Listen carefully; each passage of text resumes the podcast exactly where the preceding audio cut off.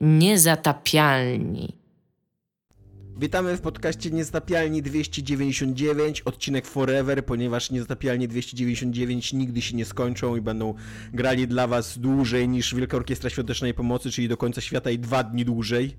Więc y, dokładnie taki mamy plan na ten podcast, na ten nasz projekt poboczny, który w międzyczasie stał się projektem głównym. Zdominował nasze życia, zdominował wasze życia, jest samcem alfa w ogóle tutaj w tej paszce podcastowej, w ogóle zdominował nas wszystkich. E, I e, więc tak, więc niezatapialnie 299 tu jest. Dominik, mam nadzieję, że jesteś e, usatysfakcjonowany z takiego wyjaśnienia.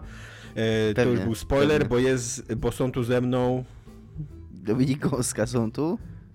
I są tutaj również Iga Smoleńska, reprezentują własne opinie o niej. Tak, ja też reprezentuję własne opinie. Taki tak. twist będzie, że dzisiaj będę własne reprezentował wyjątkowo. Ja nazywam się Tomek Strągowski i też tym razem będę własne opinie reprezentował niczyje inne. Będziemy dzisiaj rozmawiać o tematach znowuż yy, i być może już w końcu dojdziemy do tego tematu, który był tydzień temu, czyli że Six Days in Fallujah yy, wraca do życia i zostanie... Wiecie, że to być... za każdym razem czytam Falleluja? Jest mi bardzo wstyd z tego powodu, stąd chciałam to powiedzieć na głos, żeby doznać takiej katarzis jakiego, jakiegokolwiek z tego powodu, bo tam Six Days Fallujah. E, no tak, więc to jest Fallujah, e, takie miasto w Iraku. E, I być może powstanie w końcu gra, która została zapowiedziana wieki temu Później, no tam, później, później opowiem jakby cały, cały kontekst. Więc to jest jeden temat, drugi Albo temat nie opowiesz, jest... zobaczymy. Drugi, tak, nie wiadomo, tak, to prawda. Drugi temat jest taki, że Anthem Next, najbardziej oczekiwana gra ostatnich lat, e, najprawdopodobniej być może się nie ukaże. Istnieje takie prawdopodobieństwo delikatne, że coś tam się wydarzyło z nią. E, a trzeci jest taki, że premierką Polski została Siri i wystąpi w Tekenie i to jest w zasadzie koniec tego newsa. Iga, jesteś zwolniona nie, nie będziemy Jesteś zwolniona w ogóle. Po prostu jestem zwolniona. No, co zrobić? E, nie, możemy od tego zacząć, bo to jest fajny Michałek. Iga, go. A no to Tekken 7 doczekał się chyba 18 DLC, które jest, chyba dosłownie 18, jeżeli dobrze pamiętam. A zapowiedziano nową postać 35-sekundowym trailerem, w którym na samym początku jest bardzo dużo takich e, jakby normalnego wideo shotów Polski. E, jest bardzo dużo e, Warszawy, jest bardzo dużo flag Polski, po czym przeskakuje na taki już CGI samochód, w którym to e, kobieta z białymi włosami odbiera telefon, w którym słyszymy, że mówią do niej z jakiegoś powodu po japońsku, że tam pani, pani, pani minister, nie? Jeżeli chodzi o to zagrożenie, a ona odpowiada po polsku, będę reprezentować wszystkich Polaków. I i to jest, no, i to jest, e, tak, to jest premier polski, ta, ta pani. No właśnie, oni nie będzie... mówią chyba pani premier, co nie? Pani prime minister. Prime Minister, tak. A, jak ja powiedziałam? Pani minister. Minister. No to tak, to tak, tak, tak, tak, premier. E, to jest premier polski, ta pani i jakby ja, ja rozumiem to, co się dzieje teraz w tych newsach odnośnie do tego, że to nie jest ten premier, którego mamy, ale chciałabym przypomnieć, że jak się czyta bio postaci z Tekana, to tam jest bardzo dużo różnych rzeczy i naprawdę dla mnie to nie jest super dziwne, że wzięli jakiś dziwny kraj z Europy i stwierdzili, że a, to ta postać jest jego prime minister. Więc to nie jest raczej tak, że stwierdzili e, realnie myśląc o sytuacji politycznej Polski, że to będzie premier Polski, tylko akurat potrzebowali babki do Tekana, do nowego DLC i stwierdzili, że będzie z jakiegoś dziwnego kraju, bo teraz mają taki thing, że e, robią postaci z, z, różnych krajów różnych miejsc świata, żeby być w jakikolwiek tam sposób chyba ten raster być reprezentatywny. I wydaje mi się, że to po prostu jest taka, taka notatka, że tak jak Dragunow e, lubi operę, a tam nie pamiętam, któryś zbiera zapalniczki, no to ta jest premierem Polski i to jest mniej więcej taki trait tej postaci, a nie coś poważnego, nad czym powinniśmy Ale w ogóle, się nie wiadomo mógłby, bo to, kto to robi? Capcom? Czy nie? Nie, nie Capcom.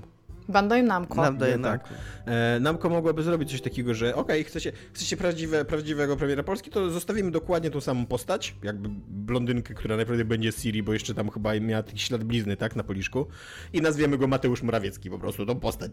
tak wiesz. I tak totalnie serio będziemy próbowali. Jest, e, szukam tego śladu blizny w tym 36 teraz sekundowym trailerze. E, jest takie ujęcie, że widać ją tak końcówkę nosa jej widać i w dół. I wydaje się, że na lewym No coś tam może być, ale równie cień. dobrze to jest cień, wiesz? Patrzę, 20 sekunda, 29 sekunda dokładnie, jeżeli kogoś to interesuje, proszę sobie tutaj zastopować, kiedy będzie mówić, że będzie reprezentować wszystkich Polaków. Nie wiem, jak dla mnie to No ona mogłaby być określona jako papież polski i to dosłownie to by było między innymi to, to co robi ogólnie Bandera No ma bliznę, ma tak. taką bliznę, to z lewej, na lewym policzku. No. No właśnie, bo Iga tutaj, która jest y, otumaniona polityką i żyje tylko polityką, jak każdy lewak, i, i wciskałaby tą politykę do naszych gier kochanych na każdym kroku, skupiła się na tym, że to jest y, premierka Polski, a y, chyba ważniejszą informacją jest, że najprawdopodobniej to będzie Siri. Ja tego, znaczy, to jest tak, ja przeczytałam te newsy i jedyne co, to było takie gigantyczne roll eyes z mojej strony, jakby okej, naprawdę background postaci, mnie by na przykład bardziej interesowało, jakie ma ciosy, ale może to mnie. Jakby naprawdę I, Łatanie dziury watowskiej. jakby nie jestem w stanie e, mniej obchodzić się faktem, czy ta postać to będzie Ciri i będzie premierem Polski. To jest naprawdę, to jest najmniej interesująca rzecz w ogóle w tym wszystkim dla mnie. Ale to mówię, to, to dla mnie. Jakby mogliby zrobić wszystko to, co powiedziałeś, Tomek. Nie sądzę, żeby Bandai Namco na tym zależało, ale jakby wiem, że Polacy by się obsrali w łóżko już teraz, patrząc malinowo. po tym, co się dzieje. Tak, no po prostu... Mam priorytety y, tekenowe w innych miejscach, no co mogę powiedzieć. Ale czy się cieszę, że będziemy mieć nową panią w Tekenie, która będzie miała białe włosy i najprawdopodobniej To znaczy- będzie mieć będzie mieć jakieś stroje, gdzie jest ubrana po prostu w jakąś garsonkę albo pod krawat, bo myślę, że to też to implikuje. No to okej, fan. Ja, ja chciałem tutaj dać opór trochę y, y, cynizmowi i y, Igi.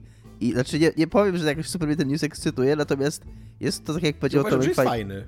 To jest fajny Michałek i to jest fajny, taki fajna, śmieszna rzecz. I, a gdyby po prostu pokazali jakąś postać, która po prostu byłaby randomową postacią i mówili o jej ciosach, to moje zainteresowanie wynosiłoby totalnie z zero. Jakby co mnie obchodziło, jakieś, jakieś ciosy, Dobra, jakieś... Do, Dominik, ale powiedz mi... na pokładzie Dobra. takiego...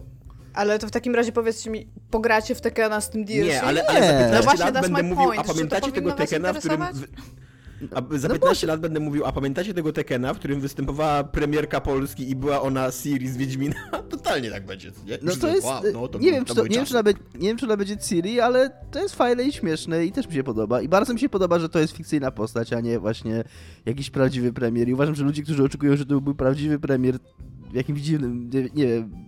Nie wiem, co by było w tym fajnego tak naprawdę. Pomijając jakieś kwestie w ogóle prawne, wizerunkowe i inne, które sprawiają, że to po prostu nie jest możliwe.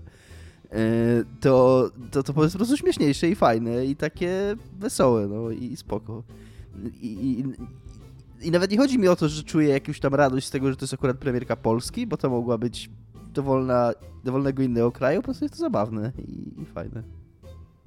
A ja nie czuję, znaczy nie, e, no czuję, że to jest jakiś e, żart, który my, mnie śmieszy bardziej, mnie jako No, obywatela tego tak. kraju, co nie? Jakby podejrzewam, że jacyś Hiszpanie czy tam Argentyńczycy to wzruszą ramionami. No okej, jakaś kolejna właśnie głupia, to- fikcyjna postać, ale dla mnie o, o, jest z Polski, super, Jest to, jest, jest to, to, jest, to jest coś, co z, y, o tym teraz pomyślałem, dlaczego to jest fajne, że, y, że takie rzeczy się zdarzały, nie wiem, czy, może nie podam teraz konkretnie przykładu, ale gdyby to była powiedzmy y, jakaś pani polityk z, z Hiszpanii, czy, czy tak jak mówisz, czy tam z Francji, to, mm, to nie byłoby to nic, nic y, szczególnie takiego wyjątkowego, jakby to byłoby coś takiego, okej, tam kolejna postać w bijatyce, a właśnie, że to jest y, postać z Polski, no to to jest taka jakaś egzotyka może trochę też dla, dla Zachodu czy i dla Japonii. No to właśnie o to mi chodzi, że moim zdaniem to nie, to, to jest po prostu takie, że dobra, zrobiliśmy postać, ona się bije tak i tak, dobra, to teraz jak będzie wyglądała, stąd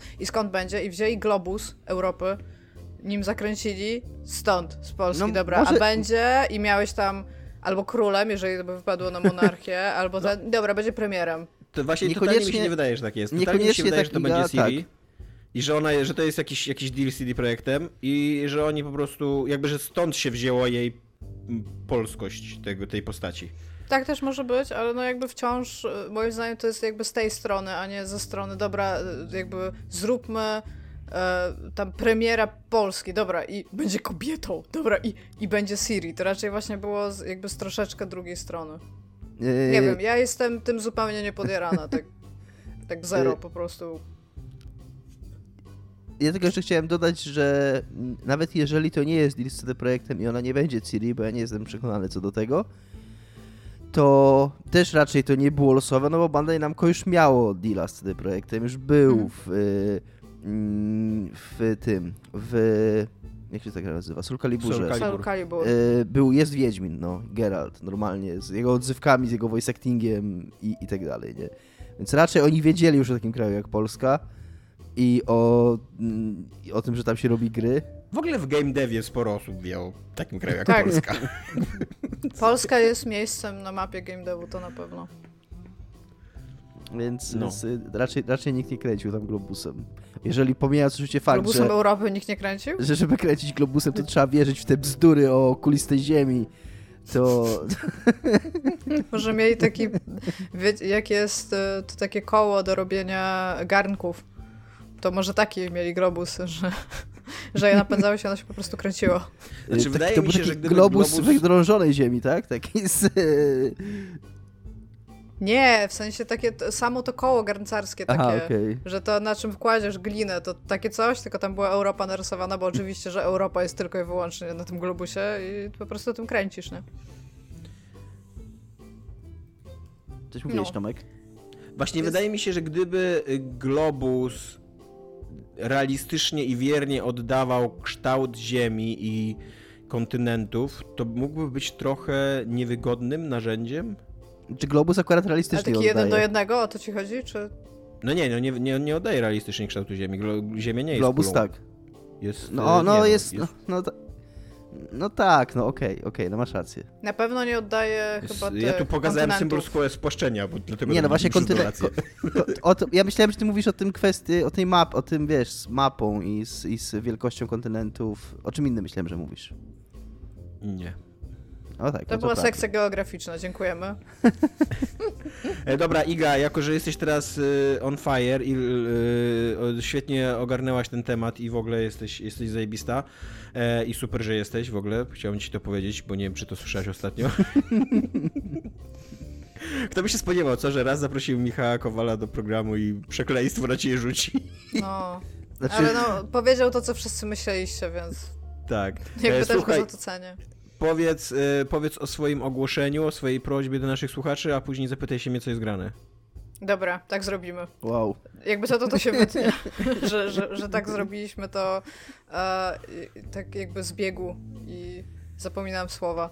W każdym By razie... się okazało, by się, jeszcze chwilę i się okaże, że to tak naprawdę wszystkie nasze nagrania tak wyglądają, tylko my to zawsze wycinamy i Tomek po prostu mówi, idzie co mam mówić i, no, i tak to...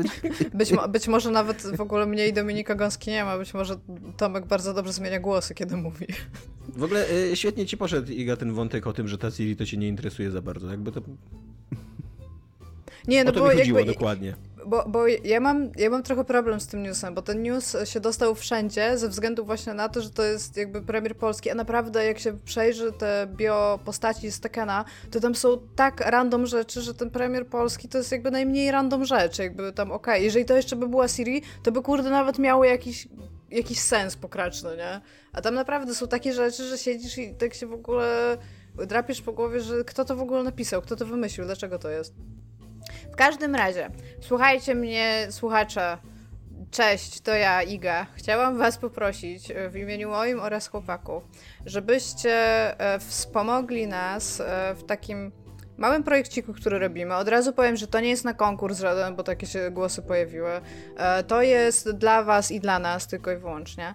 I jeżeli byście byli w stanie dla nas nagrać e, głosowo, tak paszczą, e, nagrać nam e, taką odpowiedź na pytanie, co, czym, czym dla Was jest nasz projekt, albo co Wam dał, albo czy jest jakaś historia, którą byście chcieli nam opowiedzieć w związku z nim, albo czy w ogóle, jeżeli jest coś, czym byście się chcieli dla nas podzielić i wysłać nam to na info at niezatopialni.pl, jeszcze raz info at niezatopialni.pl, taki pliczek, to może być WAV, to może być MP3, to może być MP4, to może być GOG, to może GOG, OG, to może być naprawdę to, co tylko byście chcieli. Dziękujemy też Nawet wszystkim, którzy już flaki. przysłali do tej pory. Tak, i jeżeli byście nam to wysłali do Piątku. piątek, do tego piątku, czyli do, trz- nie, do 5 marca, Tak. tak? Tak. Do, do 5 marca, jeżeli byście nam to wysłali, to byśmy byli wam szalenie wdzięczni i od razu powiemy, żeby nie, żeby, żeby nie było, że nie powiedzieliśmy, że, e, naj, że, że być może będziemy musieli coś zedytować, na przykład fragment tylko wypowiedzi puścić, ale nie będzie tak, że będziemy wam e, ingerować w treść, którą jakby Tak. powiedzieliście. Bo ktoś tam, ktoś tam u nas, Tak, już, chyba tak. wielki mistrz, y, komentator nasz napisał, że to nie ma żadnego sensu, co powiecie. I ten disclaimer, jak o niego poprosiłem i bo jeżeli to będzie w jakiejś formie publikowane, to ja to będę mm, składał i jakby z, y, chciałem się przygotować do taką sytuację, że na przykład ktoś nagra godzinę albo no nie wiem, co otrzymamy tam tak naprawdę, nie, nie, nie jestem w stanie Tak, tego przewidzieć, więc po prostu musimy, więc po prostu- musimy zastrzec. na pewno nie będziemy tego y, montować w taki sposób, żeby zmieniać sens tej waszych wypowiedzi, czy żeby jakoś nimi manipulować. Chodzi tylko i wyłącznie o to, że, że, że być może będziemy chcieli to jakoś opublikować, jakoś, jak, jakieś, jakąś kompilację tego zrobić i, i, i fajnie byłoby, żeby każdy czuł się tam mniej więcej na podobnym poziomie ważności i, i, i jakby ekspozycji, a nie, że nagle jedna osoba w jakiś sposób zdominuje, czy, czy, czy ktoś będzie tam jakoś mało ważny. Nie? I o to tylko chodzi. No, w każdym razie bardzo byłoby nam miło, jeżeli byście chcieli nam coś takiego wysłać, bo też przy okazji być może czegoś dowiemy się na temat tego, czego wy byście chcieli więcej od tego programu, albo za czym tęsknicie, albo co wam się nie podoba. Ogólnie, jeżeli wyślecie nam swoje opinie w formie dźwiękowej, e, w takim pliku cyfrowym, to byłoby super naprawdę dla nas. I dziękujemy z góry i oraz dziękujemy, tak jak już Tomek powiedział, tym, którzy nam zdecydowali się wysłać. Jest to bardzo, bardzo miłe dla nas. Tomku, w co grałeś? Ostatnio, co tam u ciebie jest grane?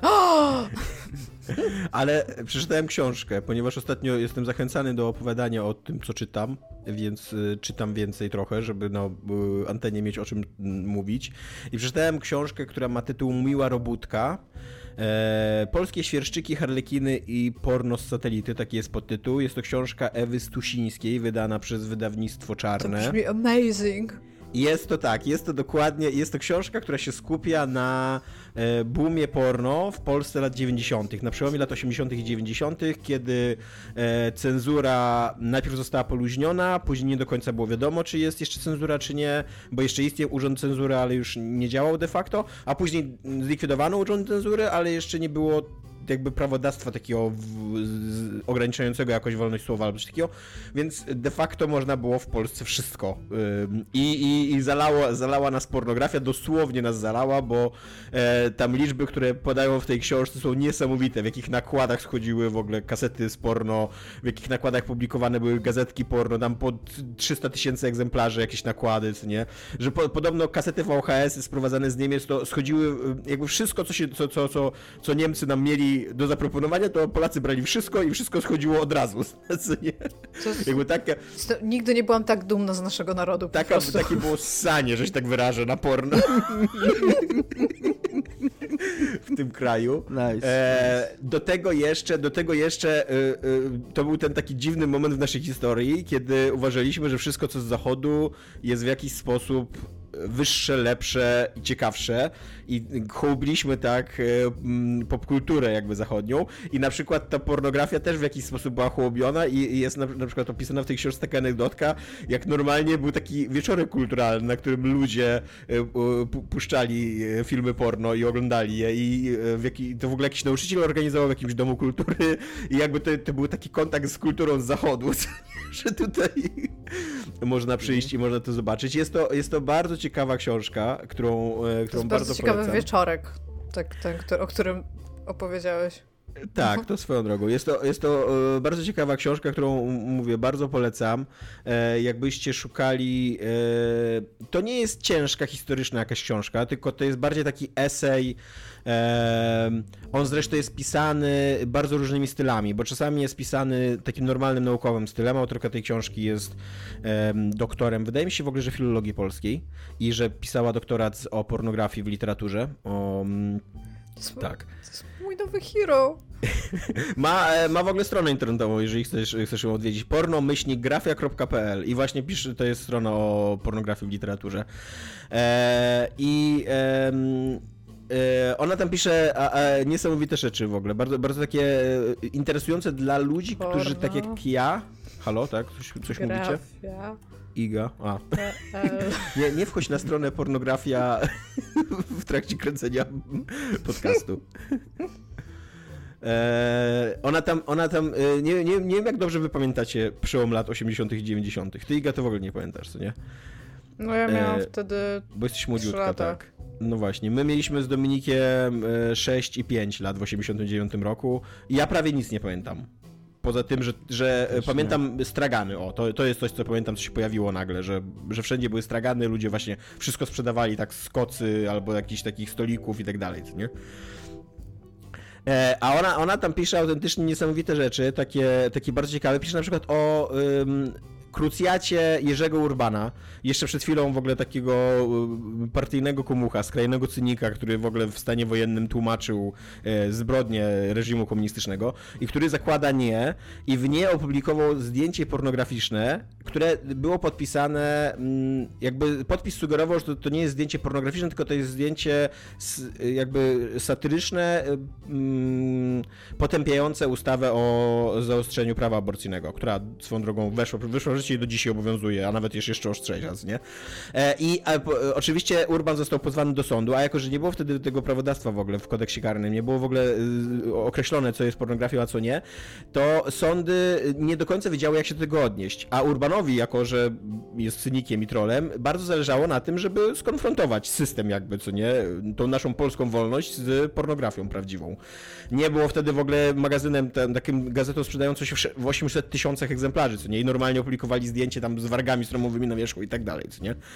I wyobraźcie sobie, że dwa sądy u, unie, e, umorzyły postępowania e, ze względu na niską szkodliwość społeczną, jakby tak próbowały, szukały drogi ucieczki, a Urban sam się odwoływał od wyroku dla siebie korzystnego i doszła ta sprawa aż do Sądu Najwyższego i Sąd Najwyższy stwierdził, że to nie jest pornografia, jakby, że, e, że, nie, no, że nie ma tam zwierząt ani dzieci i że jest jakoś uzasadniona ta nagość, no i że to nie jest pornografia. I to bardzo Czekaj, długo... ja bym chciała tylko powiedzieć naszym wszystkim słuchaczom, że pornografii nie definiują, Tak. nie definiuje obecność zwierząt ani dzieci. Teraz tak, ale aż do 97 czy 98 roku, jak wprowadzono właśnie nowy kodeks karny, to w Polsce było, było tak, uważało się, znaczy prawo tak uważało, że pornografia to jest y, ta zakazana pornografia, jakby, że, że erotyka jest dozwolona, a pornografia jest zakazana.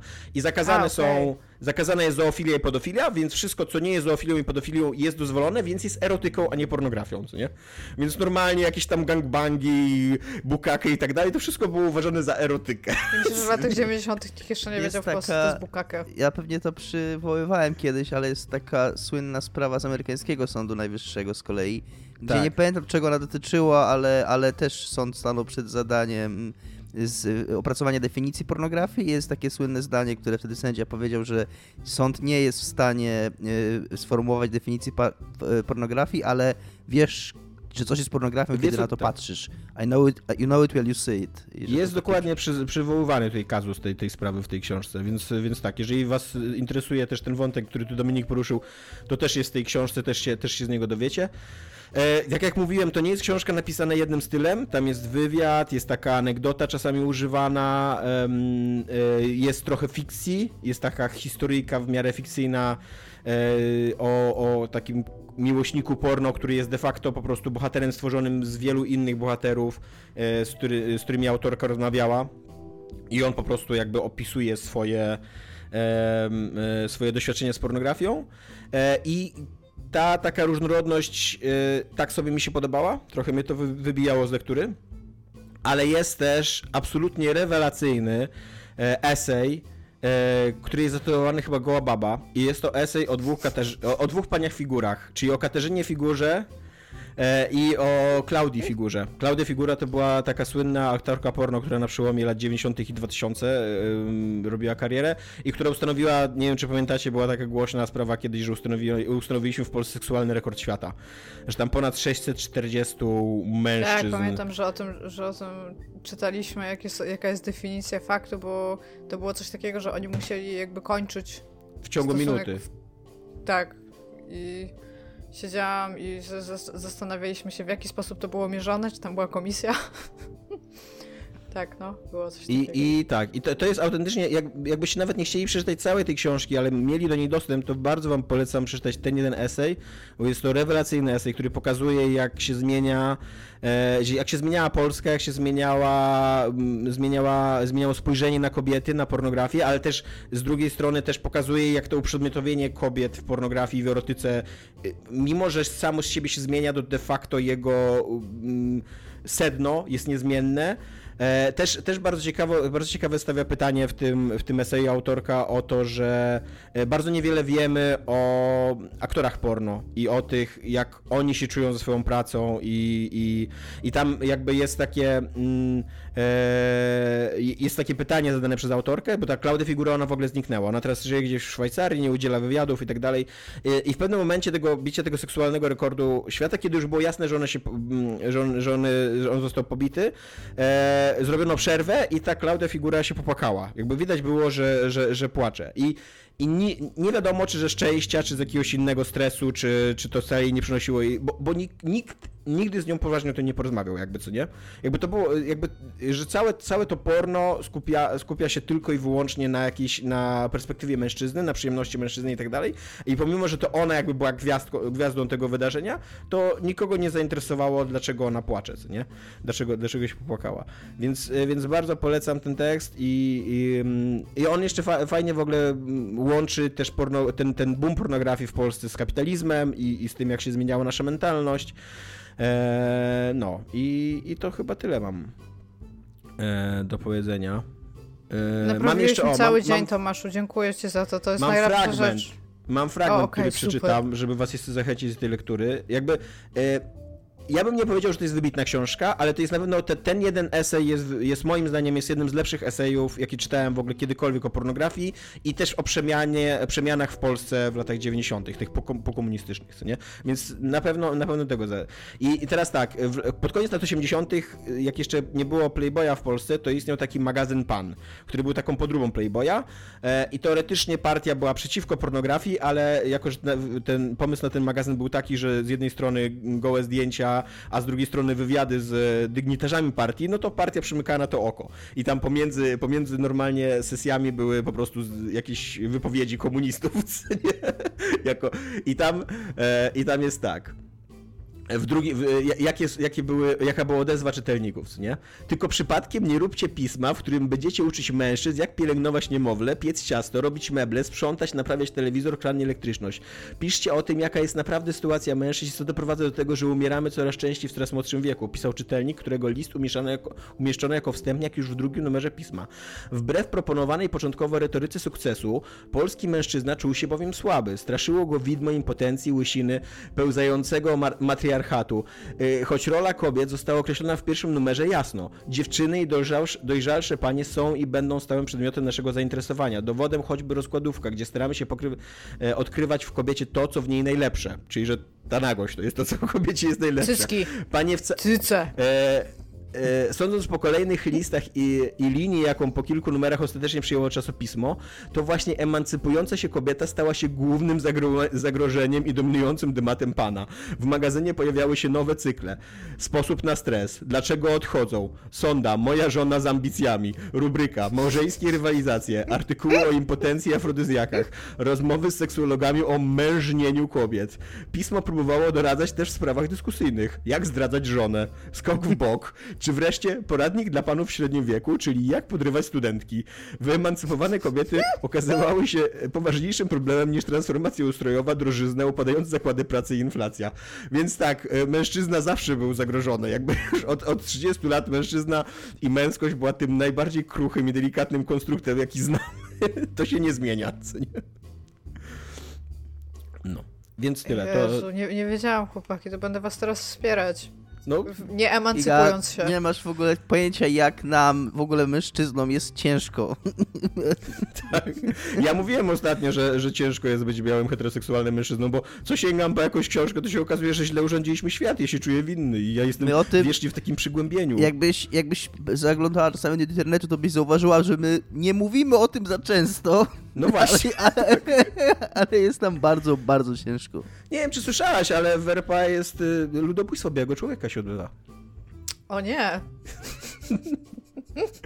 E, no, w każdym razie. E, bardzo, bardzo dobra książka, naprawdę, bardzo ją polecam. E, a ten esej polecam wybitnie. A i jeszcze, jeszcze jest bardzo fajny, jakby punkt wyjścia tej książki, o którym nie powiedziałem. E, o tym, że jakby autorka się tłumaczy trochę, dlaczego ją napisała. Napisała ją dlatego, że o pornografii dużo się mówi tylko w kategorii krzywdzenia i jakichś zmian, negatywnych zmian społecznych i tak dalej. I, autorka mówi, okej, jakby to jest ważny temat, co nie? Jakby ona się z tym zgadza, że na przykład właśnie ten seksizm e, i, i uprzedmiotowienie kobiet i, mm, i rola, jakby krzywda często, jaką, jaką aktorki doznają na planach, to, że te serwisy y, internetowe i tak dalej e, często puszczają, puszczają, wrzucają nagrania bez, bez zgody aktorki i tak dalej, że to jest, to jest poważny temat, ale jednocześnie pornografia to nie jest tylko to. Jakby jest w pornografii... Pornografia to jest jedno z chyba najszerszych w ogóle Tak. działań kulturowych, No, które jest od, od Dokładnie. zawsze.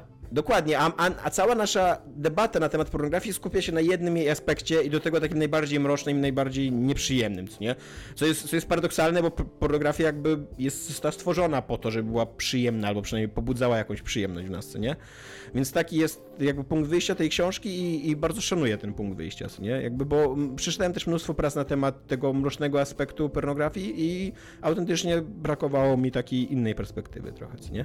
E, powtórzę na koniec tytuł, żeby nie było, że nie powtarzamy tytułów. Książka nazywa się e, Miła robótka, polskie świerszczy, świerszczyki, harlekiny i porno satelity i napisała ją Ewa Stusińska.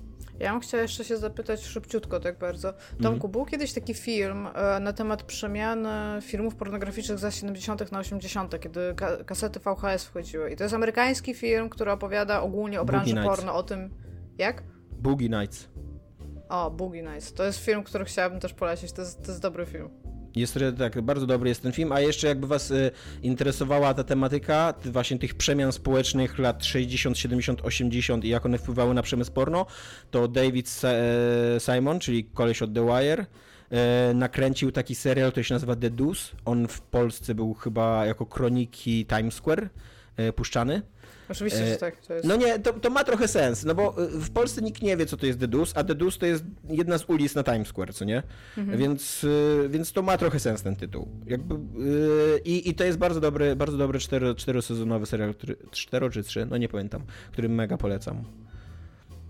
Więc to jest grane u mnie, tymczasem przechodzimy do tematów. Dominik, może najpierw twój temat, ponieważ mój możemy pominąć. E, nie no, ja się nagadałem teraz, więc Dominik, najpierw twój temat, Anthem Next, czy czekałeś i dlaczego się nie wydarzy? Go. E, tak, zanim to, to pi, pi, pi, pi, pi, pi, pi, this just in. E, k, Kowal Watch? nie, nie Kowal Watch. Szybko, Okej. na temat, na dlaczego który używasz mówiliśmy jingla? jakiś czas temu. No Nie właśnie. wiem. Zobaczyłem newsa przed chwilą i chciałem powiedzieć o nim, że Terraria jednak się ukaże na Stadii, więc jeżeli czekaliście, przypuszczam, że tyle samo osób czeka na Terrarię na Stadii, co czekało na Anthem Next, stąd może to ma sens, żeby to teraz dla tych osób, które teraz wydarzyły słuch, nie wiem, czy to są to same osoby w sumie, E, ale jednak się ukaże, dogadał się ten pan od, od Terrarii z Googlem E, i, i będzie tak. Natomiast jeżeli chodzi o Anthem, to. Tak, tak. Jeżeli chodzi o Anthem, to od mniej więcej ukazania się an- gry Anthem i, i, i jej bardzo negatywnego odbioru, takiego dosyć powszechnego, e, pomijając e, jakieś tam unikatowe płatki, płatki śniegu, które stwierdziły, że ta gra im się podoba i tam Na najwyraźniej... przykład po prostu- kto? Na Na przykład, przykład kto Dominik? i, I w ogóle nie wiedzą o czym mówią i nie powinni się w ogóle wypowiadać publicznie na temat gier wideo. E, to, to od mniej więcej tamtego czasu e, BioWare i Electronic Arts tak bardzo silnie podkreślały obie te firmy, że, e, że one słuchają opinii graczy i, i że zależy im na tej grze i że chcą doprowadzić ją do takiego stanu, żeby spełniała oczekiwania, jakiekolwiek by te oczekiwania miały nie być. E, I że, I że to będzie dobra gra, i że oni mają ten, właśnie nazwali ten projekt Anthem Next, i że to miało wykraczać poza jakieś tam drobne poprawki i, i, i usprawnienia, tylko że faktycznie y, y, jakby wyjdą naprzeciw tym oczekiwaniom graczy. Co być może trochę brzmi podobnie do czegoś, co słyszeliście w ostatnich miesiącach od innej firmy, która wydała grę, y, której odbiór publiczny nie był tak entuzjastyczny, jak się można było spodziewać początkowo. Czy to polska I firma? nie wiem na ile to jest prorocze, coś jest... Tak. Nie wiem na ile to Czy jest... Tekenowska premier Polski ma coś wspólnego z tą firmą? Y, Jest to firma CD Projekt, od której swoją drogą tego samego, tego samego dnia jest to, wspominam o tej filmie, o filmie CD Projekt, o której mogliście już słyszeć y, w- w tym programie i w innych miejscach sieci w kontekście polskich gier wideo i gier wideo w ogóle, a wspominam o filmie CD Projekt dlatego, że dokładnie tego samego dnia, kiedy ogłoszono publicznie, już tak oficjalnie, najpierw były plotki, bo tam parę tygodni temu były plotki, że że Electronic Arts podejmie decyzję, potem były plotki, że Electronic Arts podjęło decyzję, O po czym pojawiło się Anthem Next. oficjalne oświadczenie o zabiciu Anthem Next, tak, tak. E, Po czym pojawiło się oświadczenie jednego z pracowników, e, jednego z producentów tej gry, który, który z tego co patrzyłem dosyć regularnie, czyli tam raz na 2-3 miesiące, na tyle regularnie, na ile ta komunikacja była prowadzona, informował o postępach na, na, nad tymi pracami i i, I on oficjalne oświadczenie wydał. I w tym tego samego dnia, kiedy pojawiło się to oficjalne oświadczenie, że prace na Anthem Next zostały zawieszone, pojawiło się również oświadczenie CD Projektu, że patch do Cyberpunka nie ukaże się zgodnie z obietnicami w lutym. I obie te sytuacje przede wszystkim, e, nie wiem czy Anthem kogokolwiek dziwi, nie wiem czy Cyberpunk kogokolwiek dziwi po tym, co się stało. Natomiast obie te sytuacje po raz kolejny moim zdaniem dobitnie pokazują, że jak bardzo nie warto ufać i wierzyć takim obietnicom. Jakby jeżeli firma y, dwa dni po tym, kiedy gra y, wyszła, czy tam tydzień po tym, jak gra wyszła i, i, i się spotkała z negatywnymi reakcjami, obiecuje gruszki na wierzbie, że w ogóle y, oni mają plan, oni nie mają żadnego planu, oni to mówią tylko i wyłącznie po to, żeby ugasić pożar, żeby trochę y, uspokoić nastroje. I i jest taki, ja lubię bardzo wspominać o takim fenomenie psychologicznym, który uważam, że jest bardzo prawdziwy, bo ja wielokrotnie się e, mierzyłem z rzucaniem palenia. I gdzieś kiedyś przeczytałem, że właśnie instynktownie wydaje nam się, że jeżeli powiemy wszystkim naokoło, że rzucamy palenie, to będzie nam łatwiej wytrwać w tym postanowieniu, To bo, jest prawda. bo będziemy jakby czuli presję od tych innych ludzi. Natomiast jest totalnie odwrotnie, że jakby jest psychologicznie udowodnione, że dzielenie się swoimi planami zmniejsza szanse na ich y, y, wykonanie, I i- powodzenia. na ich powodzenie, dlatego że jakby my odbieramy nagrodę za wykonanie tego planu od razu. Czyli jakby y, jeżeli ty chcesz coś zrobić i, i jakby coś, co będzie jakoś dla ciebie trudne, to, to, ma, to ty robisz to, bo oczekujesz jakiejś tam, nie wiem, też jakiej, jakiejś nagrody, jakiejś satysfakcji dla siebie, tak? Czyli jeżeli nikomu nie powiesz, że rzucisz palenie i rzucisz to palenie i za dwa miesiące e, powiesz, że rzuciłem palenie i nie palę, to dopiero wtedy odbierzesz tą nagrodę. Jakby wtedy, wtedy zostaniesz psychicznie, e, psychicznie nagrodzony. A jeżeli mówisz o tym tam dzień po tym, jak podjąłeś decyzję, to jakby odbierasz tą nagrodę od razu. To jakby dostajesz satysfakcję z wykonania planu, jakby czujesz się, że, że ten plan został wykonany, mimo że nic jeszcze nie zrobiłeś. I przez to jakby twoja motywacja dużo szybciej, y, jakby dużo szybciej spada i, i jakby już jakby stwierdzasz w pewnym momencie, że tam cholerę z tym. I, i wydaje mi się, że trochę podobnie jest, oczywiście in, mechanizm jest inny, natomiast trochę podobnie y, jest tu i w przypadku Antema, i w przypadku CD Projektu, że, że oni jakby obiecali i zobaczyli, jaka była reakcja na tą obietnicę i szczególnie w przypadku Antema, jakby wydaje mi się, że nikt nie czekał na to, na ten Anthem Next i, i jakby oni w pewnym momencie chyba dosyć rozsądnie, oni oczywiście tłumaczą to COVID-em i komplikacjami mm, związanymi z pandemią, natomiast y, jakby im więcej czasu mijało, tym oni chyba bardziej zauważali, że w zasadzie każdy news o Anthem i o czymkolwiek w tym temacie wywoływał raczej takie negatywne emocje i że być może po prostu lepiej to już zostawić i, i tego dalej nie robić. Jakby oni już, już, już za, jakby zapunktowali w cudzysłowie, że są dobrą firmą słuchającą graczy, a właściwie na tą grę nikt nie czeka, więc po co w ogóle ją robić? Jakby można dwie pieczenie na jednym ogniu upiec. Jednocześnie wyjść na firmę, która dba o wizerunek i o graczy, a jednocześnie w sumie nie robić tego. Ten, nad tym projektem to się pisało o tym, jak były te plotki, pracowało jakieś 20 osób. Ja przypuszczam, że tam się nic za bardzo nie robiło, jakby wokół tego. No bo ile tam te 20 osób, no nie wiem, no szczerze mówiąc, no nie chcę teraz, może bez sensu, trochę dwa kroki w tył Dominik. Nie wiem, ile tam oni robili, ale, ale no nie był to wielki projekt. Nie było to jakieś tam, Ja że, właśnie- że nagle cała firma nad tym pracowała. Ja właśnie, y, mnie No, coś innego dawaj. zastanawiało, że i ciekawe ile gier indie mogłoby powstać za ten budżet, który BioWare przepaliło na, na tego Anthem Next. Bo to No tak, trochę to trwało, co nie? Cztery gry indie. Okej.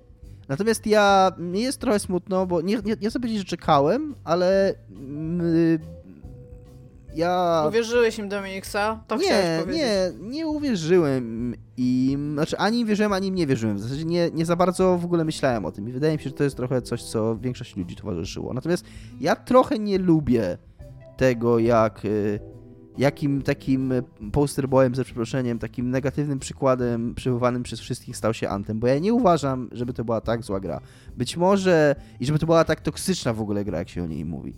Być może y, moja, ja ją mówię, no teraz y, przyznam się, jeżeli nie wiecie tego, chociaż wydaje mi się, że to jest fakt podobnie znany jak Heavy Rain, że ja tą grę bardzo pozytywnie, chyba 9 na 10 jej dałem i ona mi się bardzo podobała, ale nawet gdyby, jakby, gdybym wyszedł jakby poza siebie i obiektywnie na to spojrzał i że być może uznał, że jakoś tam y, mi ona zagrała bardziej niż innym z jakiegoś powodu, to nawet jeżeli bym jakby starał się być obiektywny, to to nie jest tak fatalna gra, ani tak szkodliwa gra, ani tak toksyczna gra, ani, ani że- żeby ją w ogóle traktować jak jakiś w ogóle, nie wiem, równoznaczną z ludobójstwem w świecie gier wideo i tak dalej, nie? Więc mm, mi jest trochę smutno, że, mm, że, że ona się jakoś tak stała y, z powodu z różnych takich, mm, jak to często bywa w takich przypadkach, zresztą jak podobnie było z Cyberpunkiem, z takich rzeczy, które są jakby poza grą, y, trochę oczekiwania, trochę historia, trochę sama firma, bo Electronic Arts już wcześniej miało na pieńku, trochę to, co się w ogóle wydarzyło w BioWare wcześniej, bo wydaje mi się, że na przykład gdyby nie Mass Effect Andromeda, który został wydany wcześniej,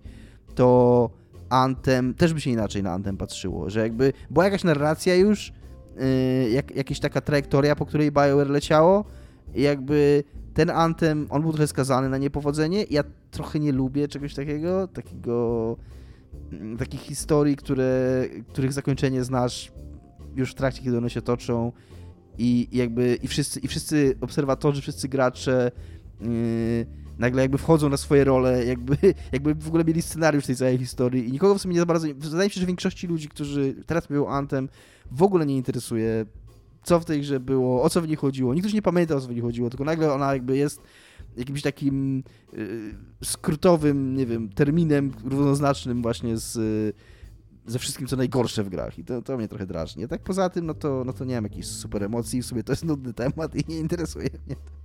A co w związku Nie, no z tym żartuję, to był- to był żart. tym, co się dzieje z Dragon Age'em? To był żart oczywiście nie, odnoszący się do tego, jak Iga przedstawiła. E, Co, co uważam z Dragon Age'em? Tak, przy okazji BioWare ogłosiło, że nie będzie multiplayera w Dragon Age 4. E, To może być powiązane w ogóle z faktem, jak Tak. e, Anthem zostało odebrane, nie? Że, Ja trochę... że jakby ten multiplayer i games as a service po prostu nie pyknął i może lepiej single playera robić. To jest dobra decyzja. Ja szczerze mówiąc, jak czytałem tego newsa, to w ogóle sobie przypomniałem, że Dragon Age miał multiplayer kiedyś, bo trójka miała. Nie wiem zupełnie o co w nim chodziło. Nie jest to gra, która potrzebowała multiplayera na pewno i na pewno nie jest to gra, w której w ogóle było za mało kontentu, o czym też już wielokrotnie mówiłem. Jakby yy, dobrze, że Dragon Age 4 nie będzie miał multiplayera. Nie wiedziałem, że miał mieć, nie wiedziałem, że ktokolwiek na niego czekał i, i jeżeli go nie będzie miał, to super dla wszystkich. No nie dla ludzi, którzy na niego czekali też z drugiej strony, no tam Ale tak, no być może są ludzie, którzy jakby chciałbym, jeżeli ktoś z naszych słuchaczy e, grał i ceni multiplayera Dragon Age'a Inkwizycji, to bardzo chętnie o tym poczytam. Ja w ogóle właśnie lubię, znaczy inaczej, nie lubię takiego skazywania, e, skreślania z góry rzeczy, może, więc może niekoniecznie, nie powinienem tak mówić, że nie był potrzebny ten multiplayer, no ale ja w niego nie grałem i nie, mm, nic o nim... Więc nie był nikomu potrzebny, kropka. Co należało udowodnić, pyk. No, trochę, trochę tak, trochę jestem kurna pieprzonym hipokrytą i nie wiem w ogóle o czym mówię i co ja tu robię i o co mi chodzi i jest w ogóle najgorzej. Yy, szkoda Antema, szkoda Antema, szkoda BioWare. Yy, Powinniśmy przede wszystkim zawsze pamiętać o tym, że każda gra, która nie wyszła, a była w robotach, to jest tak jak Tomek powiedział, bardzo dużo czasu, który deweloperzy, którzy mogli robić inną grę, poświęcili na to, więc to jest zawsze Tak. jakaś Mhm. mała tragedia. Czego byście nie myśleli o jakiejś grze, która po prostu nie wyjdzie, to to jest rzecz, która mogła wyjść, a jej nie ma. I to jest, to jest zawsze smutne. To nie jest tak, że o, good riddance. Dobrze, że nie ma Feza 2, Ja w ogóle, Fish jeż- kiedyś tak, był niedobry. jeżeli Nie, chodzi- fajnie by było, jakby był Fez 2. dokładnie. Jeśli chodzi jeszcze o Antem, to yy, yy, ja nie wiem, czy jakby jeżeli jest mi czegoś szkoda, to mniej jest mi szkoda, że nie będzie Anthem Next, a bardziej jest mi szkoda tego, że że BioWare y, właśnie trochę uwierzyło i że, że z jednej strony było to pospolite ruszenie nienawidzenia tej gry, która moim zdaniem y, mówię, nawet jakbym odszedł od swojej oceny, to to jest przyzwoite gra 6-7 na 10, w której się fajnie lata strzela i w ogóle i jakby mogłaby być tak odebrana. I BioWare mogłoby, jakby ta gra miała jakiś plan y, treści po premierowych, jakieś tam miały być dodatkowe rajdy, dodatkowe rzeczy w fabule się dziać. I przez to, że oni nagle stwierdzili, dobra, to robimy zupełnie inną grę z tego, to oni zarzucili w ogóle ten plan na te, na te treści. I nie wiem, czy nie byłoby lepiej dla tej gry, gdyby oni stwierdzili, ok, ok, jakby rozumiemy wasze zarzuty i będziemy powoli to usprawniać, ale jednak idziemy według tego planu i że jakby gdyby bardziej uwierzyli w tą grę i rozwijali ją e, według swojego pierwotnego planu, ewentualnie trochę go modyfikując, a nie nagle stwierdzili, że zrobią, bo to de facto było tak, jakby oni stwierdzili, że, że, że jakby zaorać i robimy to prawie że od nowa, nie? I, że, że, i że to będzie zupełnie nowa gra. No nie wiem, czy to nie zaszkodziło trochę. I, trochę... I, swoją drogą tutaj obie te sytuacje, zarówno z cyber, Cyberpunkiem, jak i z Antem, przy czym też chcemy zastrzeżyć, że to nie jest tak, że nie wierzymy w uzasadnienie CD Projekt. Jakby to, wydaje się, że to jest bardzo sensowne A nie powiedzieliśmy w ogóle o ich uzasadnieniu, że to zostało tak, że to przez ten hack. przede wszystkim tak, przez ten właśnie atak hakerski. Ale e, a, wydaje a dokładnie, mi się... A dokładnie przez to, że oni, bo to też, też tutaj widziałem, że są różne interpretacje tego w internecie, więc chciałem mm, dla, dla jasności powiedzieć, jak to zostało przedstawione w artykule, z którego o tym wiemy, Jasona Schreira Bloomberga on tam pisze, że to sam CD Projekt po prostu wyłączył zdalny dostęp na dwa tygodnie dla swoich pracowników, dla wszystkich po prostu yy, na czas yy, zbadania tej sprawy. No to co zrozumiałe. Byli, źródłem, byli celem ataku, więc to nie jest tak, że to ten atak spowodował, że, że mm, ludzie nie mieli dostępu, tylko oni wyłączyli zdalny dostęp, żeby nie narażać się na kolejny atak, zanim nie skończą śledztwa i nie, nie stwierdzą dokładnie, co było przyczyną, jak należy poprawić zabezpieczenia i tak dalej. No właśnie, więc y, jakby w ogóle nie podważamy tego, bo brzmi to dosyć wiarygodnie, ale tutaj chciałbym ukraść myśl Dominika z naszej prywatnej rozmowy, rozmowy, że tym bardziej należy jednak, pomimo całej złej prasy, jaka spadła na Hello Games i na No Man's Sky, jakby docenić to, co się koniec końców stało z tą tak. grą. Jak właśnie, y, jak niezwykłą sytuacją jest to, że ktoś siedział nad wydaną grą, która już odniosła gigantyczny finansowy sukces. I z punktu widzenia biznesowego nie mogli po prostu zabrać swoje grabki i spadać z tej piaskomnicy, a siedzą od lat nad tą grą i ją rozbudowują, prze, prze, przebudowują, przeprojektowują, e, ulepszają i e, przynajmniej ci ludzie, którzy grają w No Man's Sky, ja, ja do nich nie należę, ja się odbiłem po, tej, po tym pierwszym e, fiasku, no ale przynajmniej ci, ci ludzie, którzy grają i sprzedaż też tej gry dowodzi, że no, odnoszą jakieś jakieś sukcesy w tym, tak. że to jest dobra, to jest dobra ogóle... gra, która naprawdę się zmieniła i naprawdę... To jest w ogóle super, co oni zrobili. Oni, oni to, ja to pamiętam do dzisiaj, y, że oni po tej premierze i po tej całej negatywnej prasie, jaką mieli, nic się nie odzywali nic nie obiecywali, nic nie pisali, że to naprawimy, nic nie mówili i zaczęli po prostu sukcesywnie z każdym tam mm, po paru miesiącach, kolejnym miesiącu, kolejnym miesiącu po prostu wydawać patche i, i za każdym razem, i od tego, mm, od tych pierwszych dni do teraz, ostatnio wydali patcha ze zwierzątkami, można sobie tam zwierzątko mieć i ujarzmiać zwierzątka i tak dalej, nie? I oni zawsze robią tak samo. Oni wydają patcha... Patch y, jeden koma coś tam w nawiasie ten ze zwierzątkami. oni wydają patcha i patch noty i zawsze jest y, dostępny teraz. To nawet nie jest, to nawet nie jest zapowiadane na tydzień wcześniej. To jest zawsze y, ogłoszone w tym momencie, kiedy jest dostępne. To jest niesamowite i super imponujące i dobitnie pokazuje właśnie, jak należy takie rzeczy robić. A w międzyczasie, nie wiem czy wiecie, Loni jeszcze w międzyczasie wydali grę y, na boku, robiąc tego No Man's Sky cały czas. Taką... To wygląda trochę jak taka platformówka logiczna z 3D, z takimi ludzikami, co wyglądają jak poduszki. Zaraz Zgubiłeś wam... mnie na platformówkę logiczna. Zaraz wam wygooglam tytuł. Wygląda jak, e, jak taki indie darling sprzed 10 lat.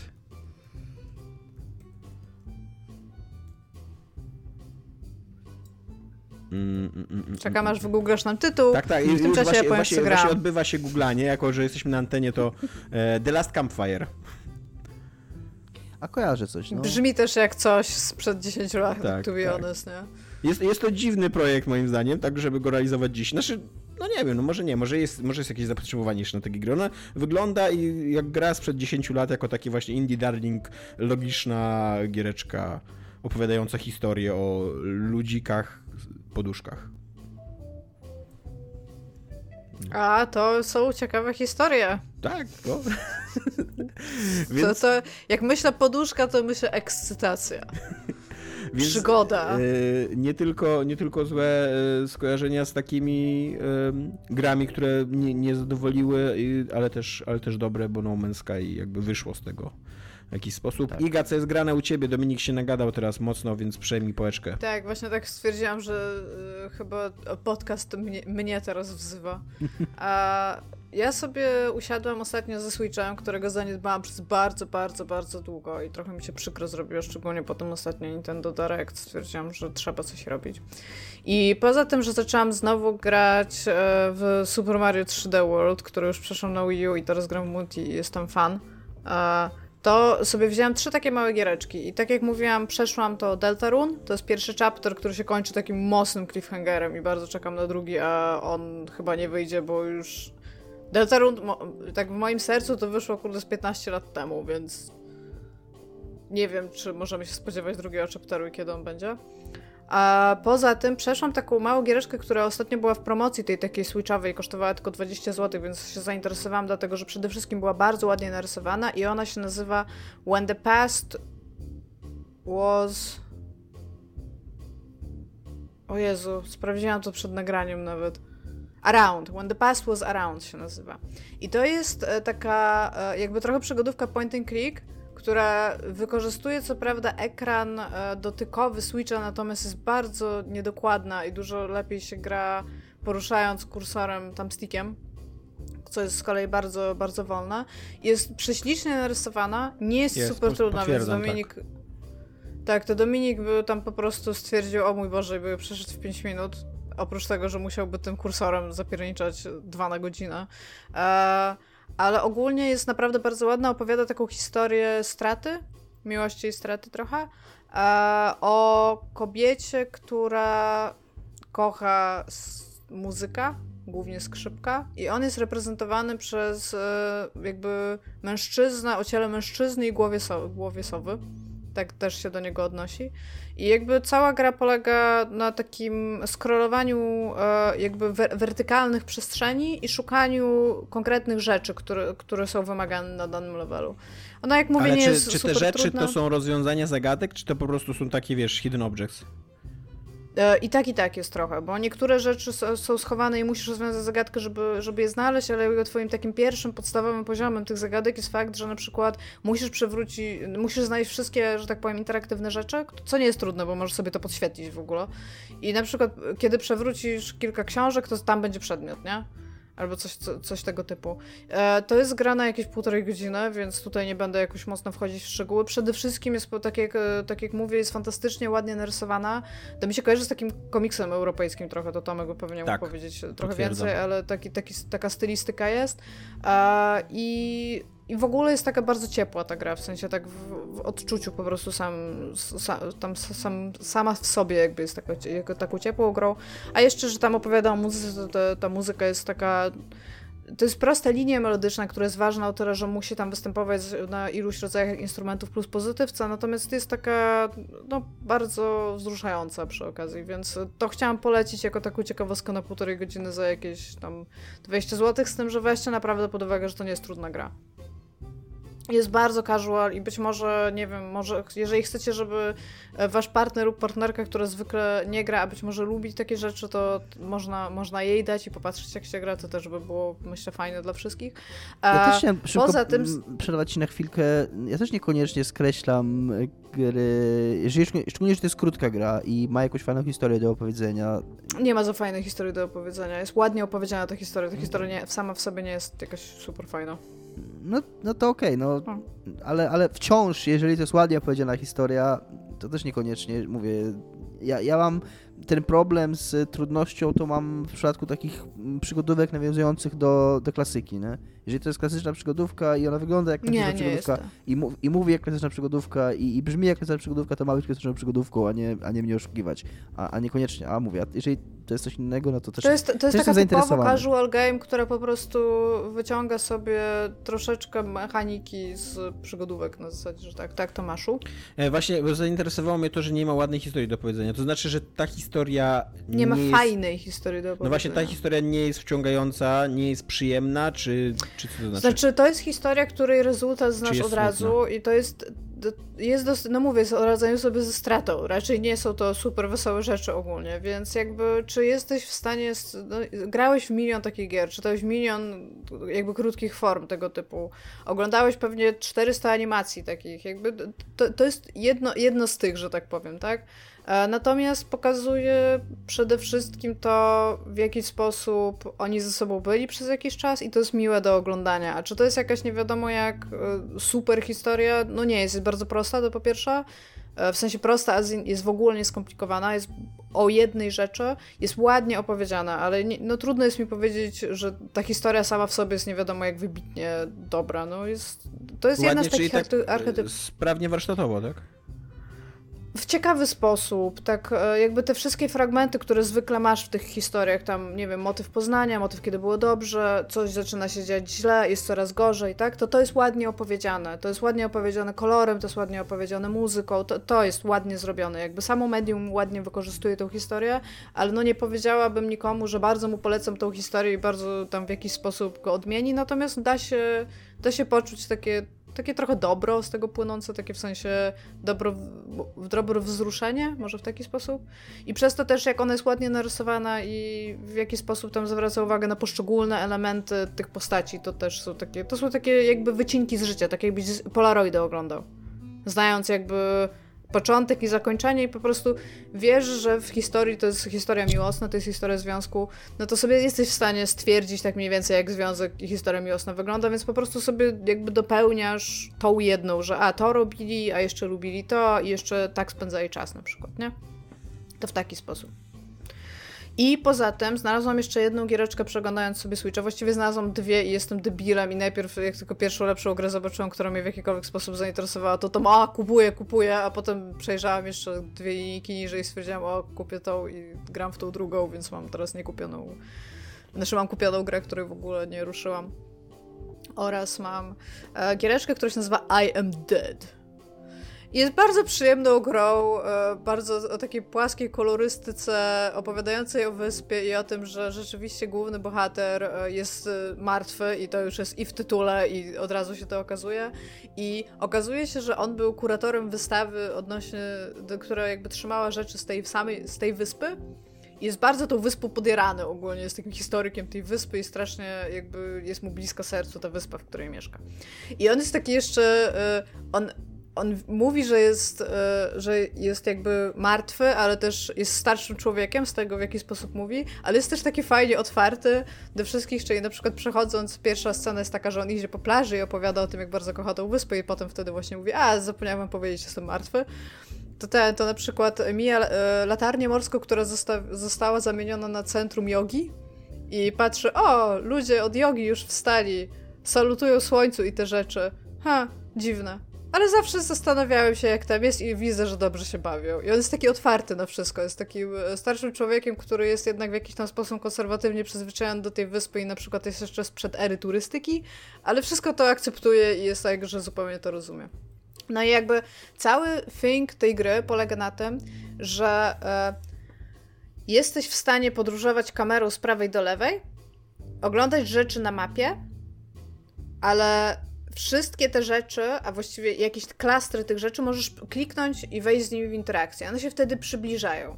I teraz najłatwiej, bo się zastanawiałam, jak wam opowiem o tej grze. I teraz wyobraźcie sobie, że macie taki bardzo prosty y, low poly model pudełeczka i możecie sobie nim obracać, ale też możecie się do niego zbliżyć. I jeżeli się zbliżacie i wasza kamera jakby go dotyka, to to pudełko zaczyna znikać, bo jest jakby kamera przez nie prześwituje, przez co możecie zobaczyć coś w środku tego pudełka.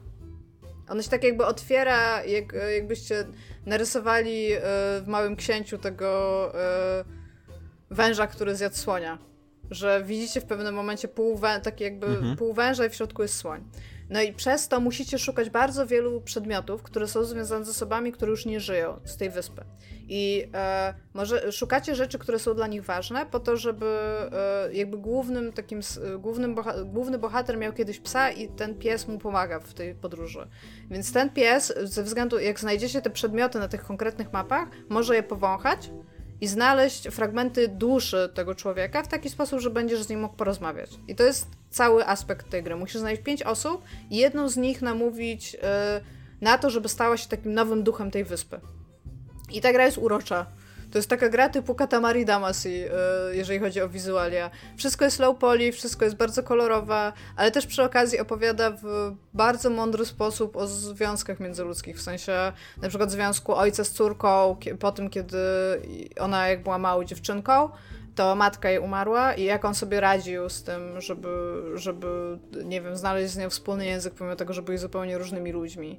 Albo właśnie osoby, która założyła to centrum jogi w tej latarni, a tak naprawdę kiedyś w przeszłości miała bardzo e, smutną historię tego, że była weteranem wojennym i bardzo dużo złych rzeczy ją spotkało w życiu, więc jakby poświęciła resztę swojego życia na szukanie spo spokoju po prostu dla siebie i żeby dookoła było spokojnie. I to są bardzo fajne rzeczy w bardzo bardzo fajnej oprawie graficznej i są nawet trochę śmieszne niektóre rzeczy, które tam można zobaczyć, tak jakby biorą pod uwagę jakby medium i estetykę, jakby wybór estetyczny, który wzięli, więc bardzo polecam. Gra się nazywa I Am Dead i chyba jeszcze jest w ogóle w promocji na Switchu, więc nie jest jakaś super droga, a na pewno jest to coś ciekawego, taka ciekawostka. A którą polecasz bardziej?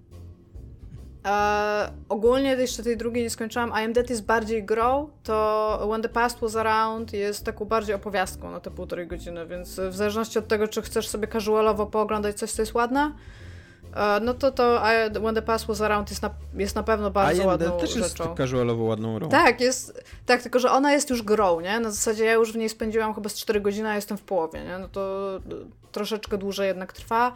E, to są zupełnie inne gry jakby, i mi osobiście jakby bardziej pasi to I Am Dead, dlatego że bardziej jest grą. To When the Past Was Around dla mnie jest taką ciekawostką, właśnie na półtorej godziny pograć, e, stwierdzić, o to jest ładne i zapomnieć. Ale no też jakby ma takich kilka swoich momentów, że usiadłam i o, tak, to jest takie. A oprócz tego mam jeszcze Xboxa Series X, którego przez przypadek mam i za wiele wam o nim nie powiem, bo w pierwszy dzień jak go dostałam, to nie mogłam się zalogować ani stworzyć na nim konta, więc nic na nim nie zrobiłam. A od czasu, kiedy jest w domu, to e, Tomek 2 po prostu okupuje go non-stop. Jedyne, co mogę powiedzieć, to, że ma bardzo szybkie loading screeny, tak, tak po prostu kuriozalnie i głupio szybkie. Nie można nawet wstać do kuchni i się To wysikać, prawda, to prawda. Nawet coś wziąć, po prostu jest piu, piu, Jak i, i, to jest tyle, grasz. Od kiedy kupiłem sobie dysk SSD i instaluję gry AA na dysku SSD, to właśnie na Cyberpunku tak miałem, że e, masz, masz taki odruch, że jak jest low screen, to sięgasz po komórkach i chcesz ją scrollować, i te, sięgasz po komórkę, a ta gra już już ugrała, jak hmm. Tak, i tak... I, i, Właśnie Tomek mówi, że kurde, bo on ma jeszcze ten taki fast resume, nie? Jak, jak włączysz grę i masz odpaloną, włączysz konsolę masz odpaloną grę, to ona ci automatycznie wchodzi do gry, to on usiadł, znaczy siadał na kanapie, w tym czasie włączał konsolę, konsola się go zapytała, czy chce zrobić to fast resume w grze, on kliknął tak i jeszcze tyłek mu nie dotarł do kanapy, a chciał jeszcze się napić tam wody czy kawy, a już był centralnie w grze, w ostatnim save'ie, gdzie prowadził samochód. Więc jakby siedzi tam tam The Future is Now, nie mogę no nawet, i, i powiedz mi, że zapalić. nie jest ciężki los y, białego heteroseksualnego mężczyzny, no. Nawet nie, no jest bardzo nie może posadzić ja, ja dupy zacznę, na kanapie, a gra bardziej... już od niego wymaga jakiegoś zaangażowania. Tak, ja muszę, muszę zwrócić uwagę na to, żeby na pewno się nie emancypować i bardziej dbać o białych heteroseksualnych mężczyzn, którzy no, są, no jest tak, są dokładnie. niedocenieni. Tymczasem e, giereczki są niesamowite, wspaniałe e, i jest to cudowne medium, w którym pracują cudowni ludzie, więc gra Six Day in Fallujah e, jak Halleluja. nazwała. Halleluja. A tak naprawdę Six Days in Fallujah. Wraca z zagrobu. Jest to gra, która ma naprawdę długą historię, ponieważ została anulowana w 2009 roku. Przez... Tak, ja pamiętam, że jeszcze za, czasu, za czasów WP jeszcze o niej mówiliśmy tak. i pisaliśmy. Tak. E, ona, e, ona została e, anulowana przez Konami. Konami miał ją produkować. Znaczy pewnie nie produkować, ale no jakby było mm, wydawać i produkować jakby tak.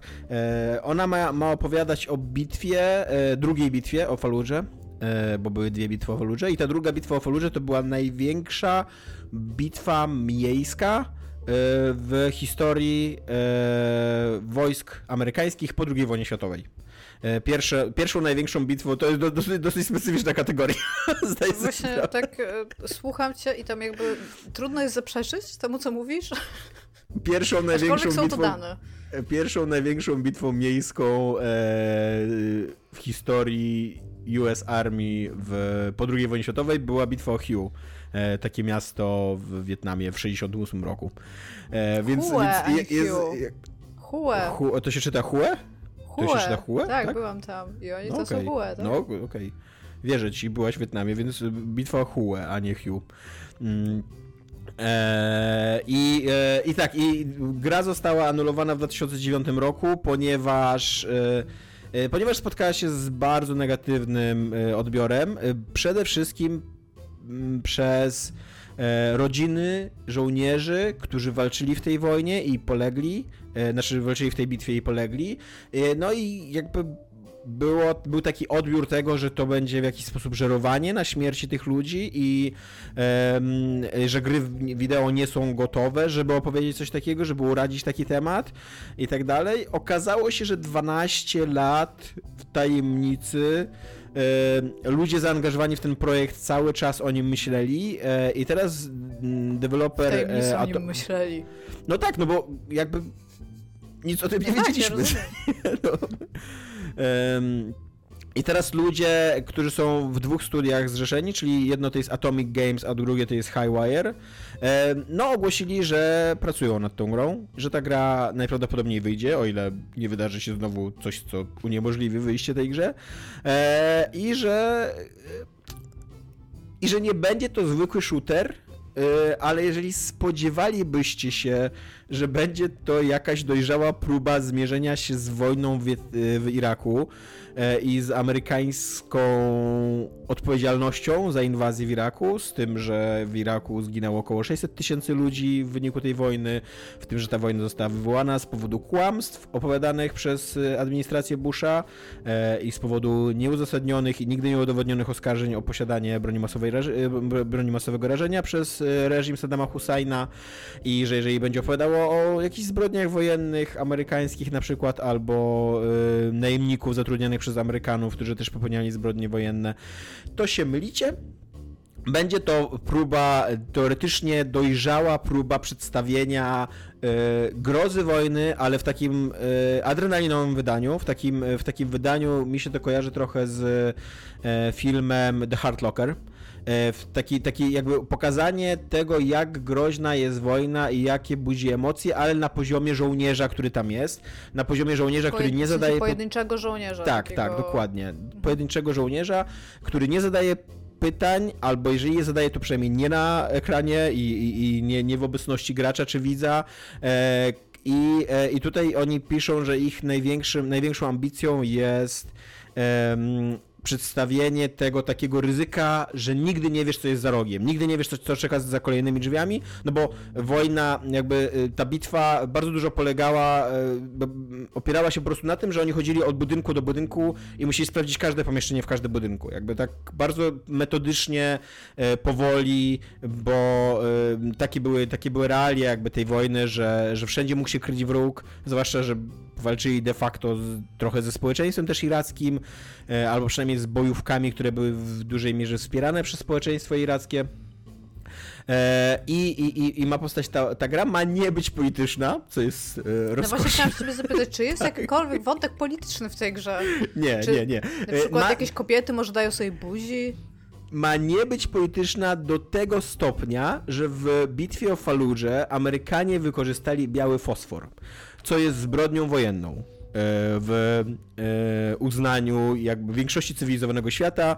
Amerykanie chyba tego nie uznają, bo Amerykanie chyba w ogóle nie są, nie uznają jurysdykcji Trybunału Zbrodni Wojennych w Hadze. Właśnie z, z tego względu, żeby ich żołnierze nie byli tam e, pozywani i, i, i targani gdzieś po całym świecie i, i oskarżani o te zbrodnie wojenne. Więc chociaż w Faludży biały fosfor był wykorzystywany, to, to w, w grze tego nie będzie.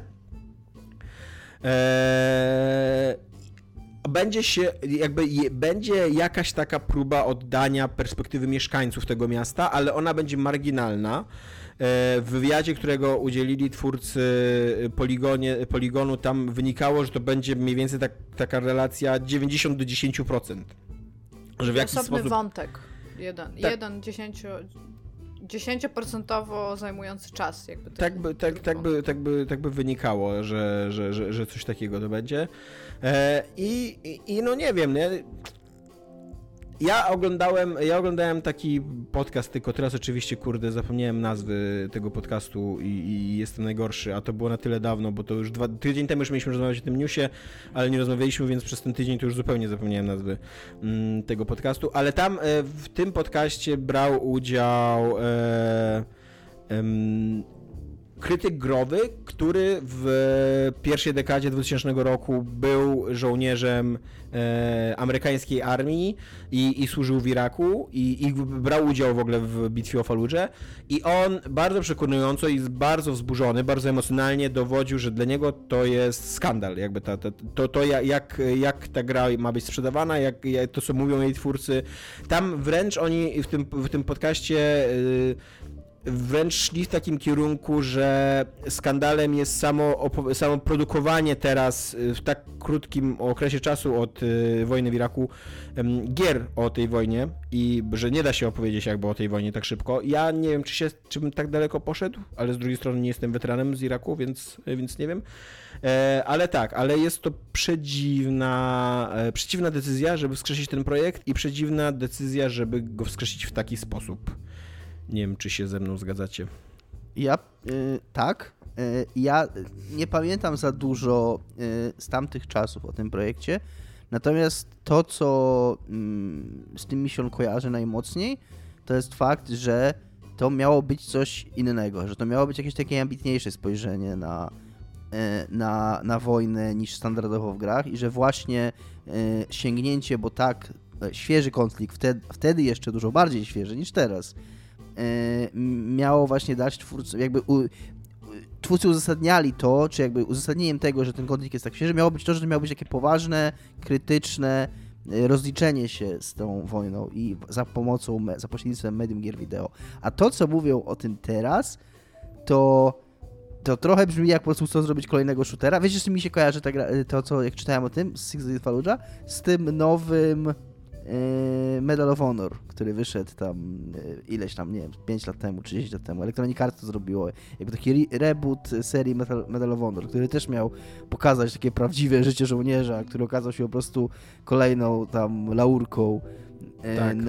wystawioną amerykańskim, dzielę amerykańskim chłopcom, taką w rodzaju Michaela Beya po prostu.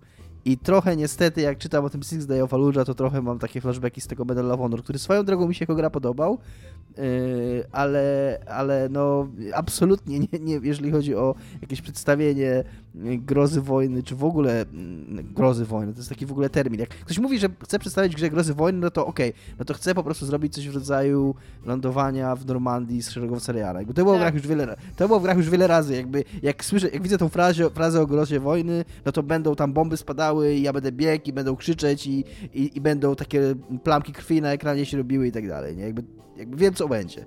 Yy, natomiast yy, Dominik, nie możesz tak, tak sprawnie analizować grozy wojny. Tutaj, ale no. jest to, jest to klasyczna groza wojny, jakby. To, jest tak, tak, tak. na ten temat. I to, I to będzie. Natomiast jednak oczekiwaliśmy, jakby takie było mm, przeświadczenie, kiedy się o tej grze mówiło, że to jednak będzie jakiś taki krytyczny komentarz. No, a oni zupełnie nie chcą iść w tym kierunku. Mm, Wręcz mówią, że, że, że właśnie tak jak Tomek mówi, że będą tego unikać i że, i że jest taki. Wysłałem wam y, to na, ten, na, na czata naszego wspólnego. Jest taki twitterowy pro, y, profil Tak. o konwencjach genewskich, który pisze o tym, w jakich grach można złapać konwencje genewskie i on właśnie To jest najpierw bardzo wrzucił, potrzebne w ogóle. No, no. najpierw, najpierw wrzucił o tej grze info, że właśnie, że będzie Six Day in Fallujah, bo, więc zapewne oni przypuszczają, że będzie można złamać konwencje genewskie w A tej później grze. okazuje, że Bo- nie, bo ocenzurowana będzie. Tak, więc napisali, że jednak nie będzie można, bo okazuje się, że twórcy robią fanfiction na podstawie, na podstawie w, w tej bitwy, a nie, a nie jakąś relację z, opartą Tak, w ogóle ja tu znalazłem cytat z mm, e, reżysera tego, reżysera reżysera, twórcy, no nie wiem, jakby umysłu odpowiedzialnego za tą grę, to się, nazywa, się nazywa e, Peter Tamte e, i on mówi, że tak, że nie będzie tego, tego wątku białego fosforu, ponieważ po pierwsze te historie, które oni zebrali, w tych historiach nie ma tego wątku, co jeszcze jest jakimś tam argumentem. Nie, nie, nie nazwałbym go dobrym argumentem, ale jest jakimś tam argumentem, co nie? Bo to jest po prostu jakby przegapienie mega ważnego wątku czegoś, o czym opowiadasz. Tak, jakby um, ale, to trzeba było ale, poszukać tak jakby ktoś chciał przemilczyć zbrodnię wojenną, której dokonał. tak. E, ale drugie pokazuje, że on nie chce... sen, y, sensational, nie wiem jak to po polsku powiedzieć, jakby y, zrobić z tego sensacji, zrobić z tego skandalu, jakby skandalizować tego tematu, bo, bo uważa, że to rozproszy gracza, od, odciągnie jego uwagę od tej, tego doświadczenia, które oni chcą mu przekazać, czyli tego mm, realistycznego chodzenia od drzwi do drzwi i tam włamywania się, robienia tych briczy i, i, tak dalej, co nie? Więc e, no jest to, jest to przedziwny, cyniczny bardzo argument moim zdaniem.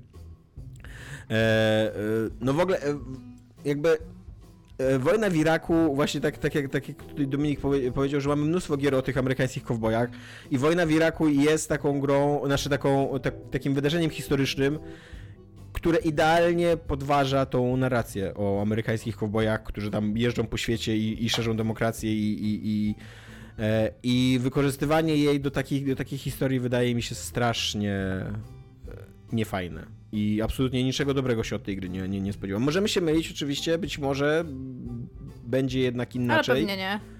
Pewnie nie, tak, też jakby nie jesteśmy y, z tym, y, w tym, y, w tym temacie od wczoraj.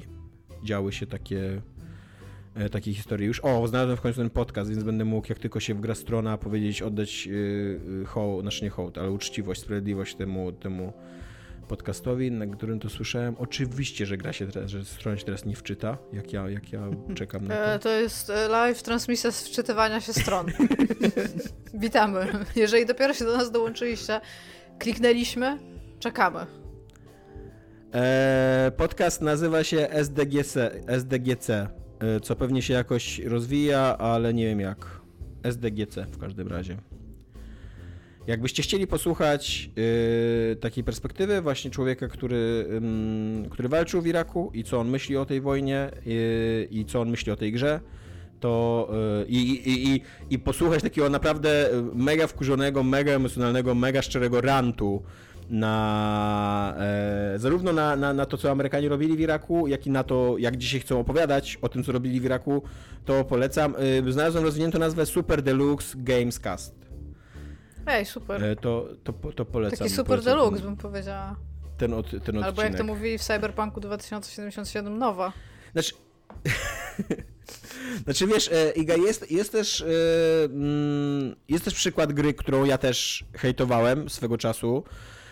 Dokładnie za to, że miała przedstawiać jakieś tam inwazję na Bliski Wschód amerykańską w taki sposób, który ja nie wierzyłem. Ta gra nazywa się Spec Ops The Line.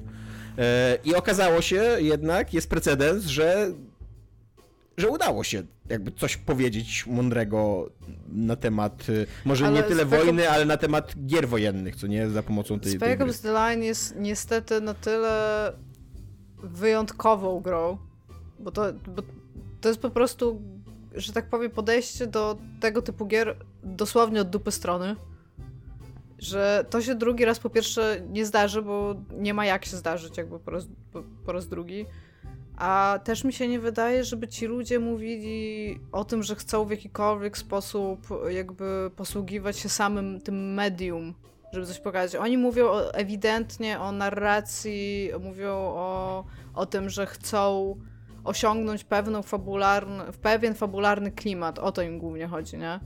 Nie wiem, ja, ja w to trochę nie wierzę, ale tak szczerze ja w ogóle nie mam żadnego zapotrzebowania na tego typu gry w tym momencie. Jakby nie, nie wydaje mi się, żeby to było teraz cool.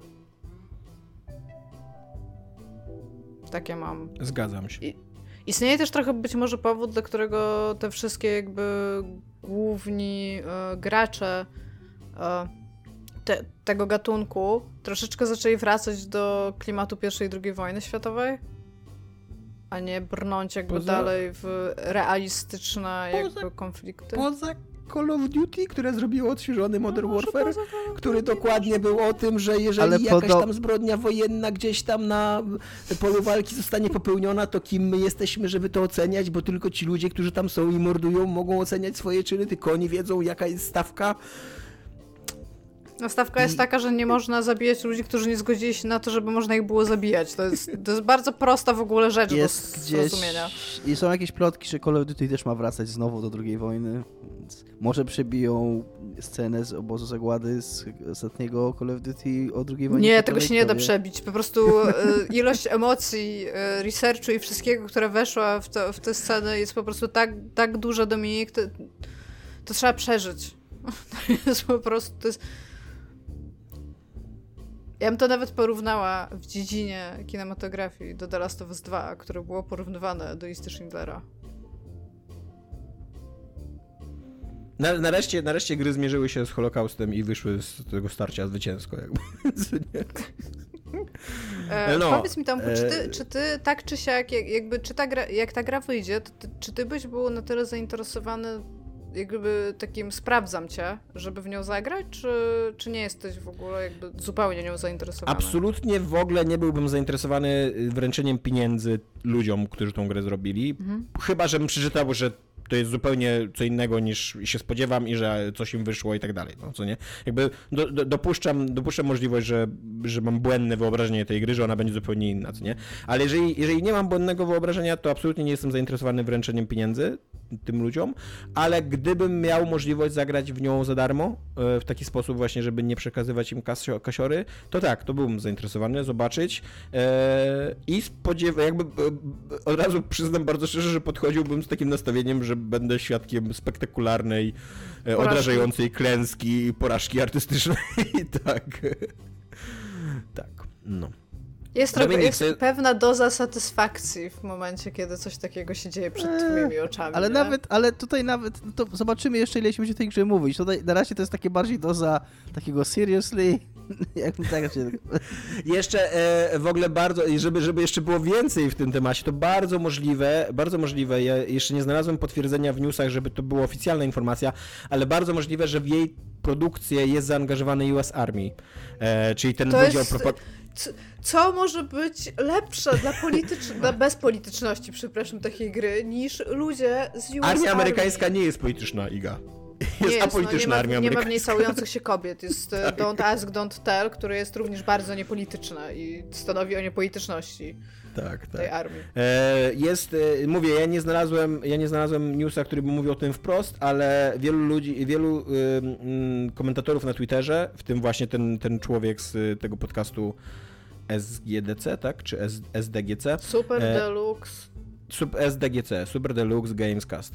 E, on zwraca uwagę, że w materiałach promocyjnych e, słowo soldier jest napisane z wielkiej litery, a jest to podobno coś, na co bardzo naciskają, na, co bardzo naciska Pentagon, żeby, żeby stosować taką honorową pisownię jakby soldiera i co wszyscy olewają, chyba, że chcą zrobić laskę Pentagonowi, wtedy nie Aż olewają. zobaczysz, czy Eminem w piosence też tak pisze.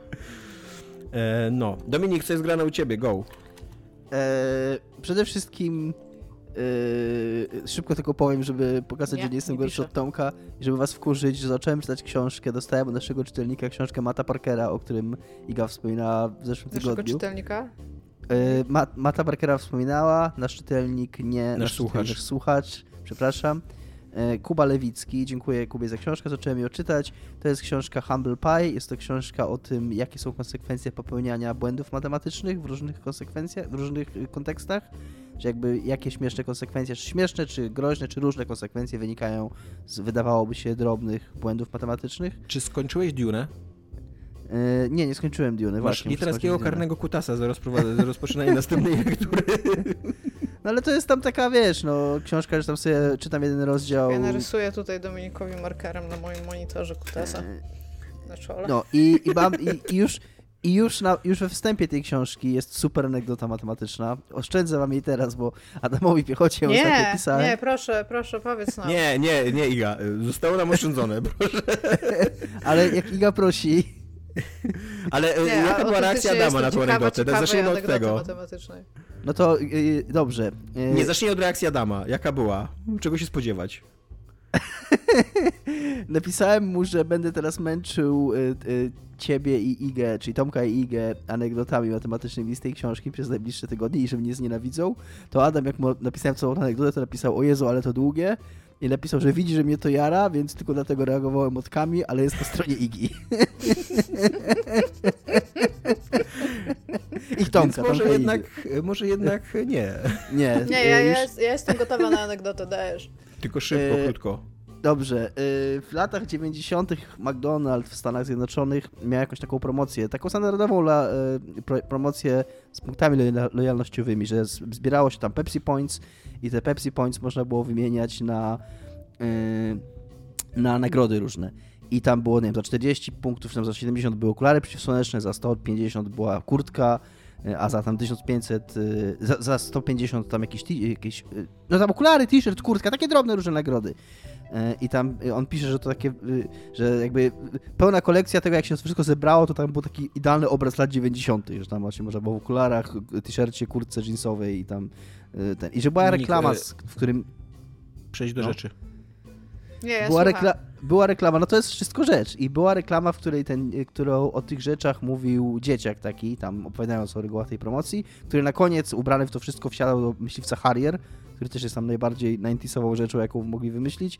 I tam mówił, że o, tam surely beats y, getting on a bus, że tam fajnie, lepiej, lepiej z tym Harrierem polecieć do szkoły niż, niż autobusem. I tam dla żartu Pepsi sobie napisało, że 7 milionów punktów y, trzeba, żeby tego Harriera dostać. I albo tak myśleli, że to jest dla żartu, bo jeden z y, y, ludzi, którzy oglądali tę reklamę, wówczas pan Leonard, uznał, że policzył sobie, ile by go to kosztowało, żeby zebrać te 7 milionów punktów, bo ciekawą rzeczą w tej promocji było to, że można było, jeżeli, się, jeżeli komuś brakowało punktów, to mógł dołączyć do tam wypełnionego formularza czek na odpowiednią sumę, tam był jakiś przelicznik tych punktów. I panu wyszło, że 700 tysięcy dolarów musiałby dopłacić, żeby e, równowartość 7 milionów punktów, taki był przelicznik po prostu, no.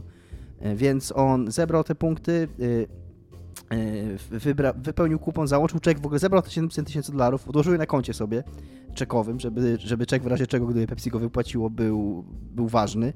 I wysłał to do Pepsi, oczekując swojego myśliwca, bo myśliwiec jest warty 20 milionów dolarów, więc jakby tak czy inaczej, gdyby dostał myśl- myśliwiec To warty rozumiem. 20... Matematycznie myśliwiec jest wart więcej niż to, co chciała Pepsi. To zrozumiałam. Tak, No. jest warty, jest warty, takim się jest warty 20 milionów dolarów. Tak jakby nawet jeżeli, nawet nie znając reguł tam i, i cen na wolnym rynku używanego sprzętu wojskowego, to jakby możliwość dostania myśliwca wartego 20 milionów dolarów za 700 tysięcy brzmi jak dobry Ciekawe, deal. jak trudno było mu go sprzedać na wolnym rynku. Nie, no właśnie Pepsi, Pepsi oczywiście nie, kup, jakby nie, on nie dostał tego myśliwca i Pepsi odmówiło mu wydania tego myśliwca, bo oni wiedzieli, że to jest żart i oni po prostu wybrali tą liczbę, tą liczbę 7 milionów punktów, to oni tak sobie po prostu wzięli z głowy, nie policzyli w ogóle, czy ona ma sens jakikolwiek. I sprawa ostatecznie trafiła do sądu, bo pan Leonard oczywiście też był, on jakby był przygotowany na to. On był trolem, tak, on był oczywiście przygotowany na to. I sprawa trafiła do sądu amerykańskiego, gdzie sąd przyznał rację Pepsi i pan Leonard nie zobaczył nigdy swojego myśliwca. Natomiast bardzo fajne było uzasadnienie tego wyroku, bo oni musieli tam uzasadnić w tym, w tym wyroku, e, dlaczego to, skąd wiadomo, że to jest żart, e, a nie można tego traktować jako, jako faktycznej oferty. I że właśnie tam było takie uzasadnienie, że jak dobrze wiemy, myśliwce Harrier raczej służą do nis- niszczenia celów naziemnych i powietrznych, a nie do transportu dzieci do szkoły i że w szkole, szkoła raczej miałaby problem, żeby udostępnić ląd- lądowisko dla tego dziecka, żeby on mógł wylądować tym myśliwcem, więc ewidentnie przedstawienie tego myśliwca w taki sposób w reklamie było żartem. Jakoś tak. Ale uważam, że, y, że sprawiedliwe by było, żeby chociaż w tym wyroku zobowiązać Pepsi do zwrócenia mu tych pieniędzy, co on wydał na te punkty. Znaczy Chyba on... nigdy nie zabrali tych punktów. Nie zabrali nigdy tych pieniędzy, tak, tak, bo on- on czek, on, Pieniądze y, ciągle miał.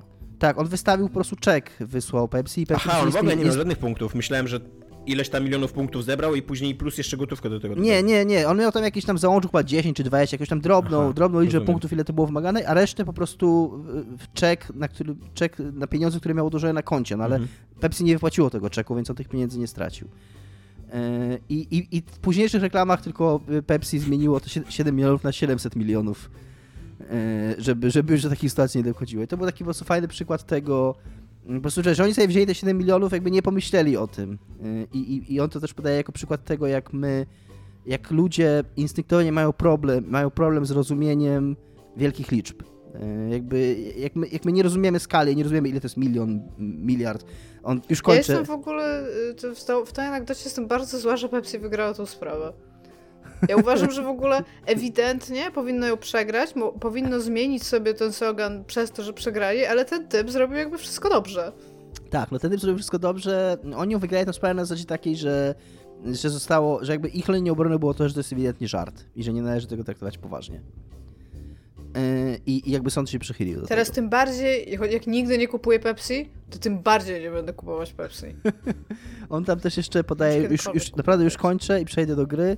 E, Też jeszcze podaje taki przykład, że jakiś czas temu chyba dług publiczny w Wielkiej Brytanii z Brytyjczykiem się zbliżał do bilion, czyli do miliarda funtów E, i on został wtedy zaproszony do telewizji publicznej, żeby jako matematyk, żeby powiedzieć ile to jest miliard. Ale to jest bardzo sensowne. Ludzie, to, to jest to, co mówisz, ludzie nie są sobie w stanie wyobrazić, jakie to są sumy. Tak, e, Tak. Jak przekazaliśmy te 2 miliardy na telewizję publiczną, to to jakby dla nas to są takie cyferki, które się przesuwa na, na, na jakby zapisuje na kartce papieru, gdzieś tam się przesuwa po prostu w cieniu. Ale jak sobie wyobrazisz, ile rzeczy, jak, jaka jest wielka różnica między dwoma milionami a dwoma miliardami, to to jest niesamowite, jakby ile rzeczy można za to kupić, zrobić i tak dalej, co nie? Tak, jakby ludzie nie wiedzą. A, tak, tak chodziło o bilion, tak, o bilion. Czyli o. Jak ja powiedziałem?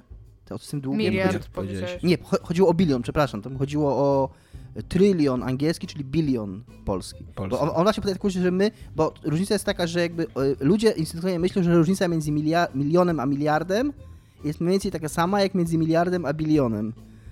Gdzie to jest tam o kilka rzędów wielkości e, inna. On to podaje taki przykład, że jakby on, to, co on powiedział w tej telewizji, to było, że milion sekund to jest 11 dni, miliard sekund to jest 30 lat, a bilion sekund to jest 30 tysięcy lat.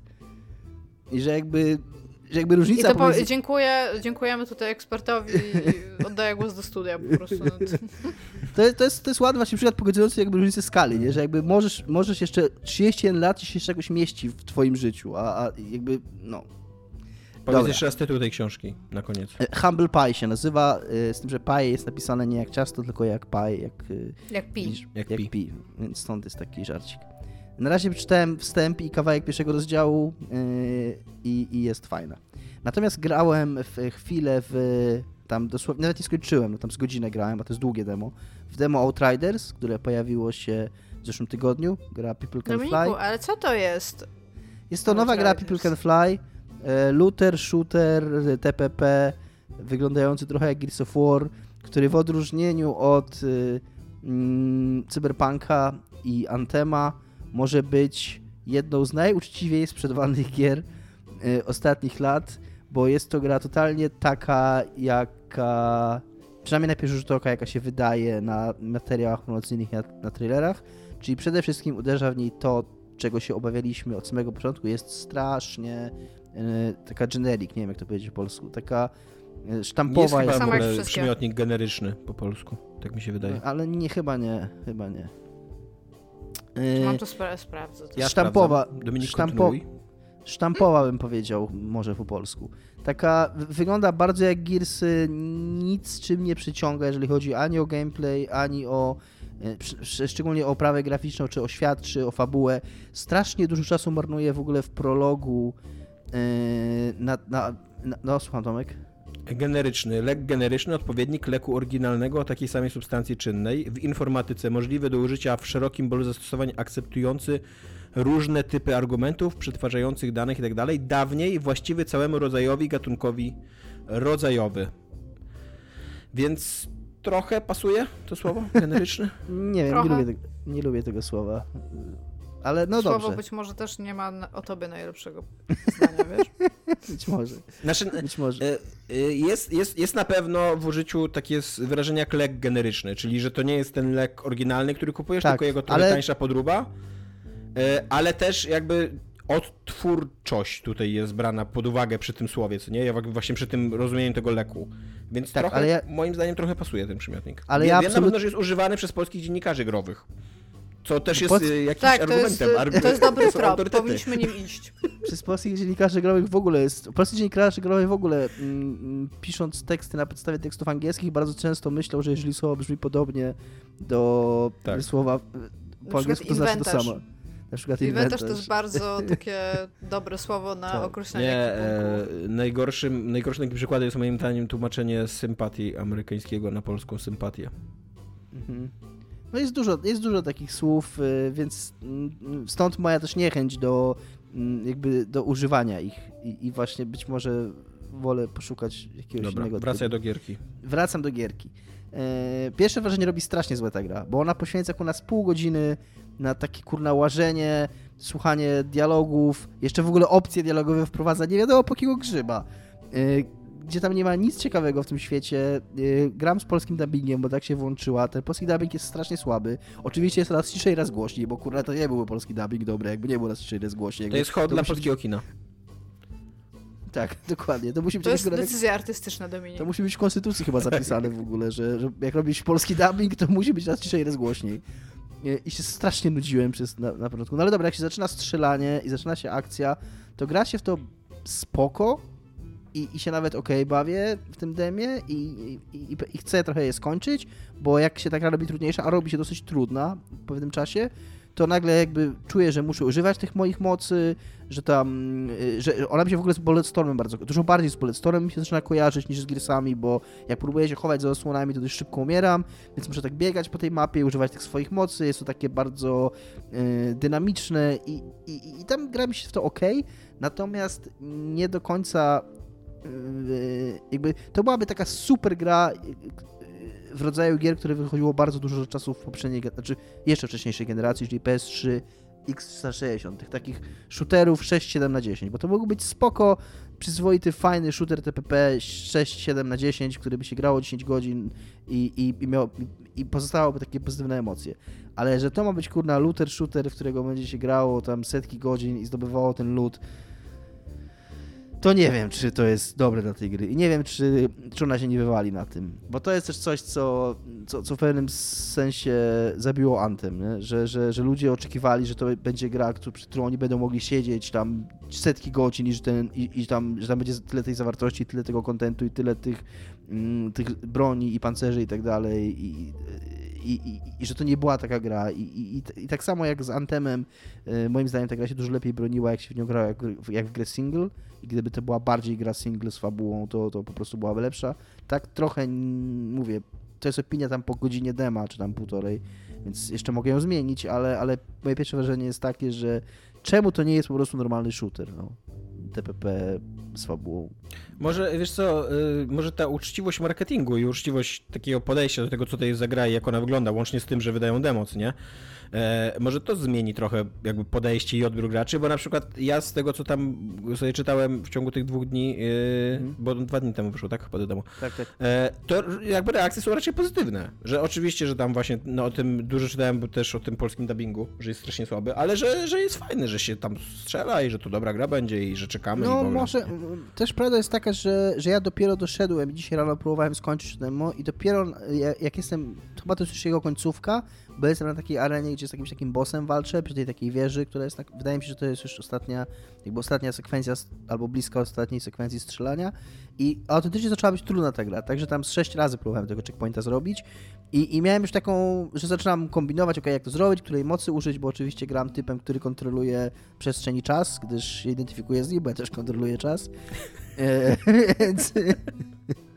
E, I on ma takie właśnie moce, że tam mogę się teleportować, że tam mogę przeciwników spowalniać. e, Jakiś ma taki atak, e, ma taki jest bardziej na atak mm, nie wręcz, ale na bliskie odległości. I że właśnie muszę biegać po tej, ma- po tej planszy tam i, i, przemieszczać się bardzo i tam robić uniki i tak dalej. No jest to, jest to dynamiczne, fajne, więc może może to będzie spoko giereczka, tylko, tylko mówię, no nie wiem, czy to będzie taka giereczka, w którą będę chciał grać tam i powtarzać te, te rzeczy i zdobywać lepszy loot i, i że ja, ja bym wolał, że to był po prostu liniowy shooter na 8 godzin. Ale to jestem ja. Tak. I mamy jeszcze na końcu, yy, bo już to wszystko, tak, od ciebie? No tak, to tak, tak. Tak. No dobra. Tak. Mamy na końcu jeszcze komentarz od Michała Markowskiego. Jeżeli chciałeś zacząć mówić o Jakuzie, to bardzo dobrze, że, nie, że ci przerwałem. Nie, nie chciałem, ale skoro e, Mamy od Michała Markowskiego komentarz. Czy macie jakieś dzieła popkultury, na które czujecie się za głupi, konsumujecie i widzicie, że coś się tu kryje albo przekazywana jest jakaś wartość, której nie jesteście w stanie uchwycić ze względu na wasze braki? E, I możemy wymienić po jednym, jeżeli mamy takie. Iga go. Ja mam takich mnóstwo i to 2021 rok to jest mój rok mierzenia się z nimi, tylko ja tutaj chcę powiedzieć, e, jakby ja się nie mam tak, że druga część pytania. Ja czasami widzę książkę albo widzę film i myślę sobie, nie, jestem to za głupia i nawet jej nie oglądam, więc nie, nie, nie czytam, więc nie wiem, co tam w środku jest i czy jestem bez kitu na to za głupia. Ale wzięłam mnóstwo takich książek, sobie teraz pospisywałam na marginesie, od których się albo odbiłam kiedyś, bo przeczytałam dwie pierwsze strony, albo stwierdziłam, że są za długie. Więc na przykład e, w tym roku chcę e, to, jest rok, który zaczęłam od imienia Róży, który książkę tą miałam bardzo, bardzo długo już u siebie na półce, a na przykład też chcę podejść do Dune, od której się odbiłam jak miałam 12 lat. No i zobaczymy, na co jestem tak mega zagłupia. Nie mam, nie mam przykładu takiego jednego konkretnego, bo czytam to imię Róży i nie jestem no nie zagłupia, po prostu je czytam. I się okazuje, że to nie jest w ogóle w jakikolwiek sposób trudna książka dla mnie. Więc... Więc tak. Bo imię Róży to jest akurat ten Umberto Eco, który właśnie chciał się zmierzyć z literaturą gatunkową. Tak. tak. Bo czytałam jego kiedyś eseje o sztuce i nie powiem, że były nie powiem, że były proste, ale no było tak, że byłam w stanie je przeczytać, tak? I skończyłam tę eseję o sztuce, taką książkę. Ona się chyba w ogóle nazywa Sztuka, czy tam o sztuce Umberto Eco. I pamiętam, że je czytałam na studiach i tak jak mówię, nie były dla mnie super proste, no ale też nie było tak, że tam umarłam, jak, jak to czytałam. Pamiętam, że jak czytałam... E, Heideggera, to miałam z tym lekkie problemy, no ale musiałam się nauczyć na egzamin, więc jakby to, książki, które musiałam czytać na studiach, które mi się wydawały super trudne, to jakby to nawet nie był aspekt tego, czy ja coś z nich wyciągam, czy nie. Musiałam coś z nich wyciągnąć, wynotować i zrobić z tego notatki i się nauczyć na egzamin, więc to jakby był, było wyzwanie intelektualne, któremu z założenia musiałam sprostać, więc nie mogłam odłożyć tej książki i stwierdzić, o jestem no to za głupia. I pamiętam, że jak czytałam Heideggera, to miałam takie, że okej, okay, przeczytam to jeszcze raz i wtedy zobaczę, tak? Więc i plus opracowania, więc. A wy? Dominik? E, nie. E, nie dlatego, że... po prostu.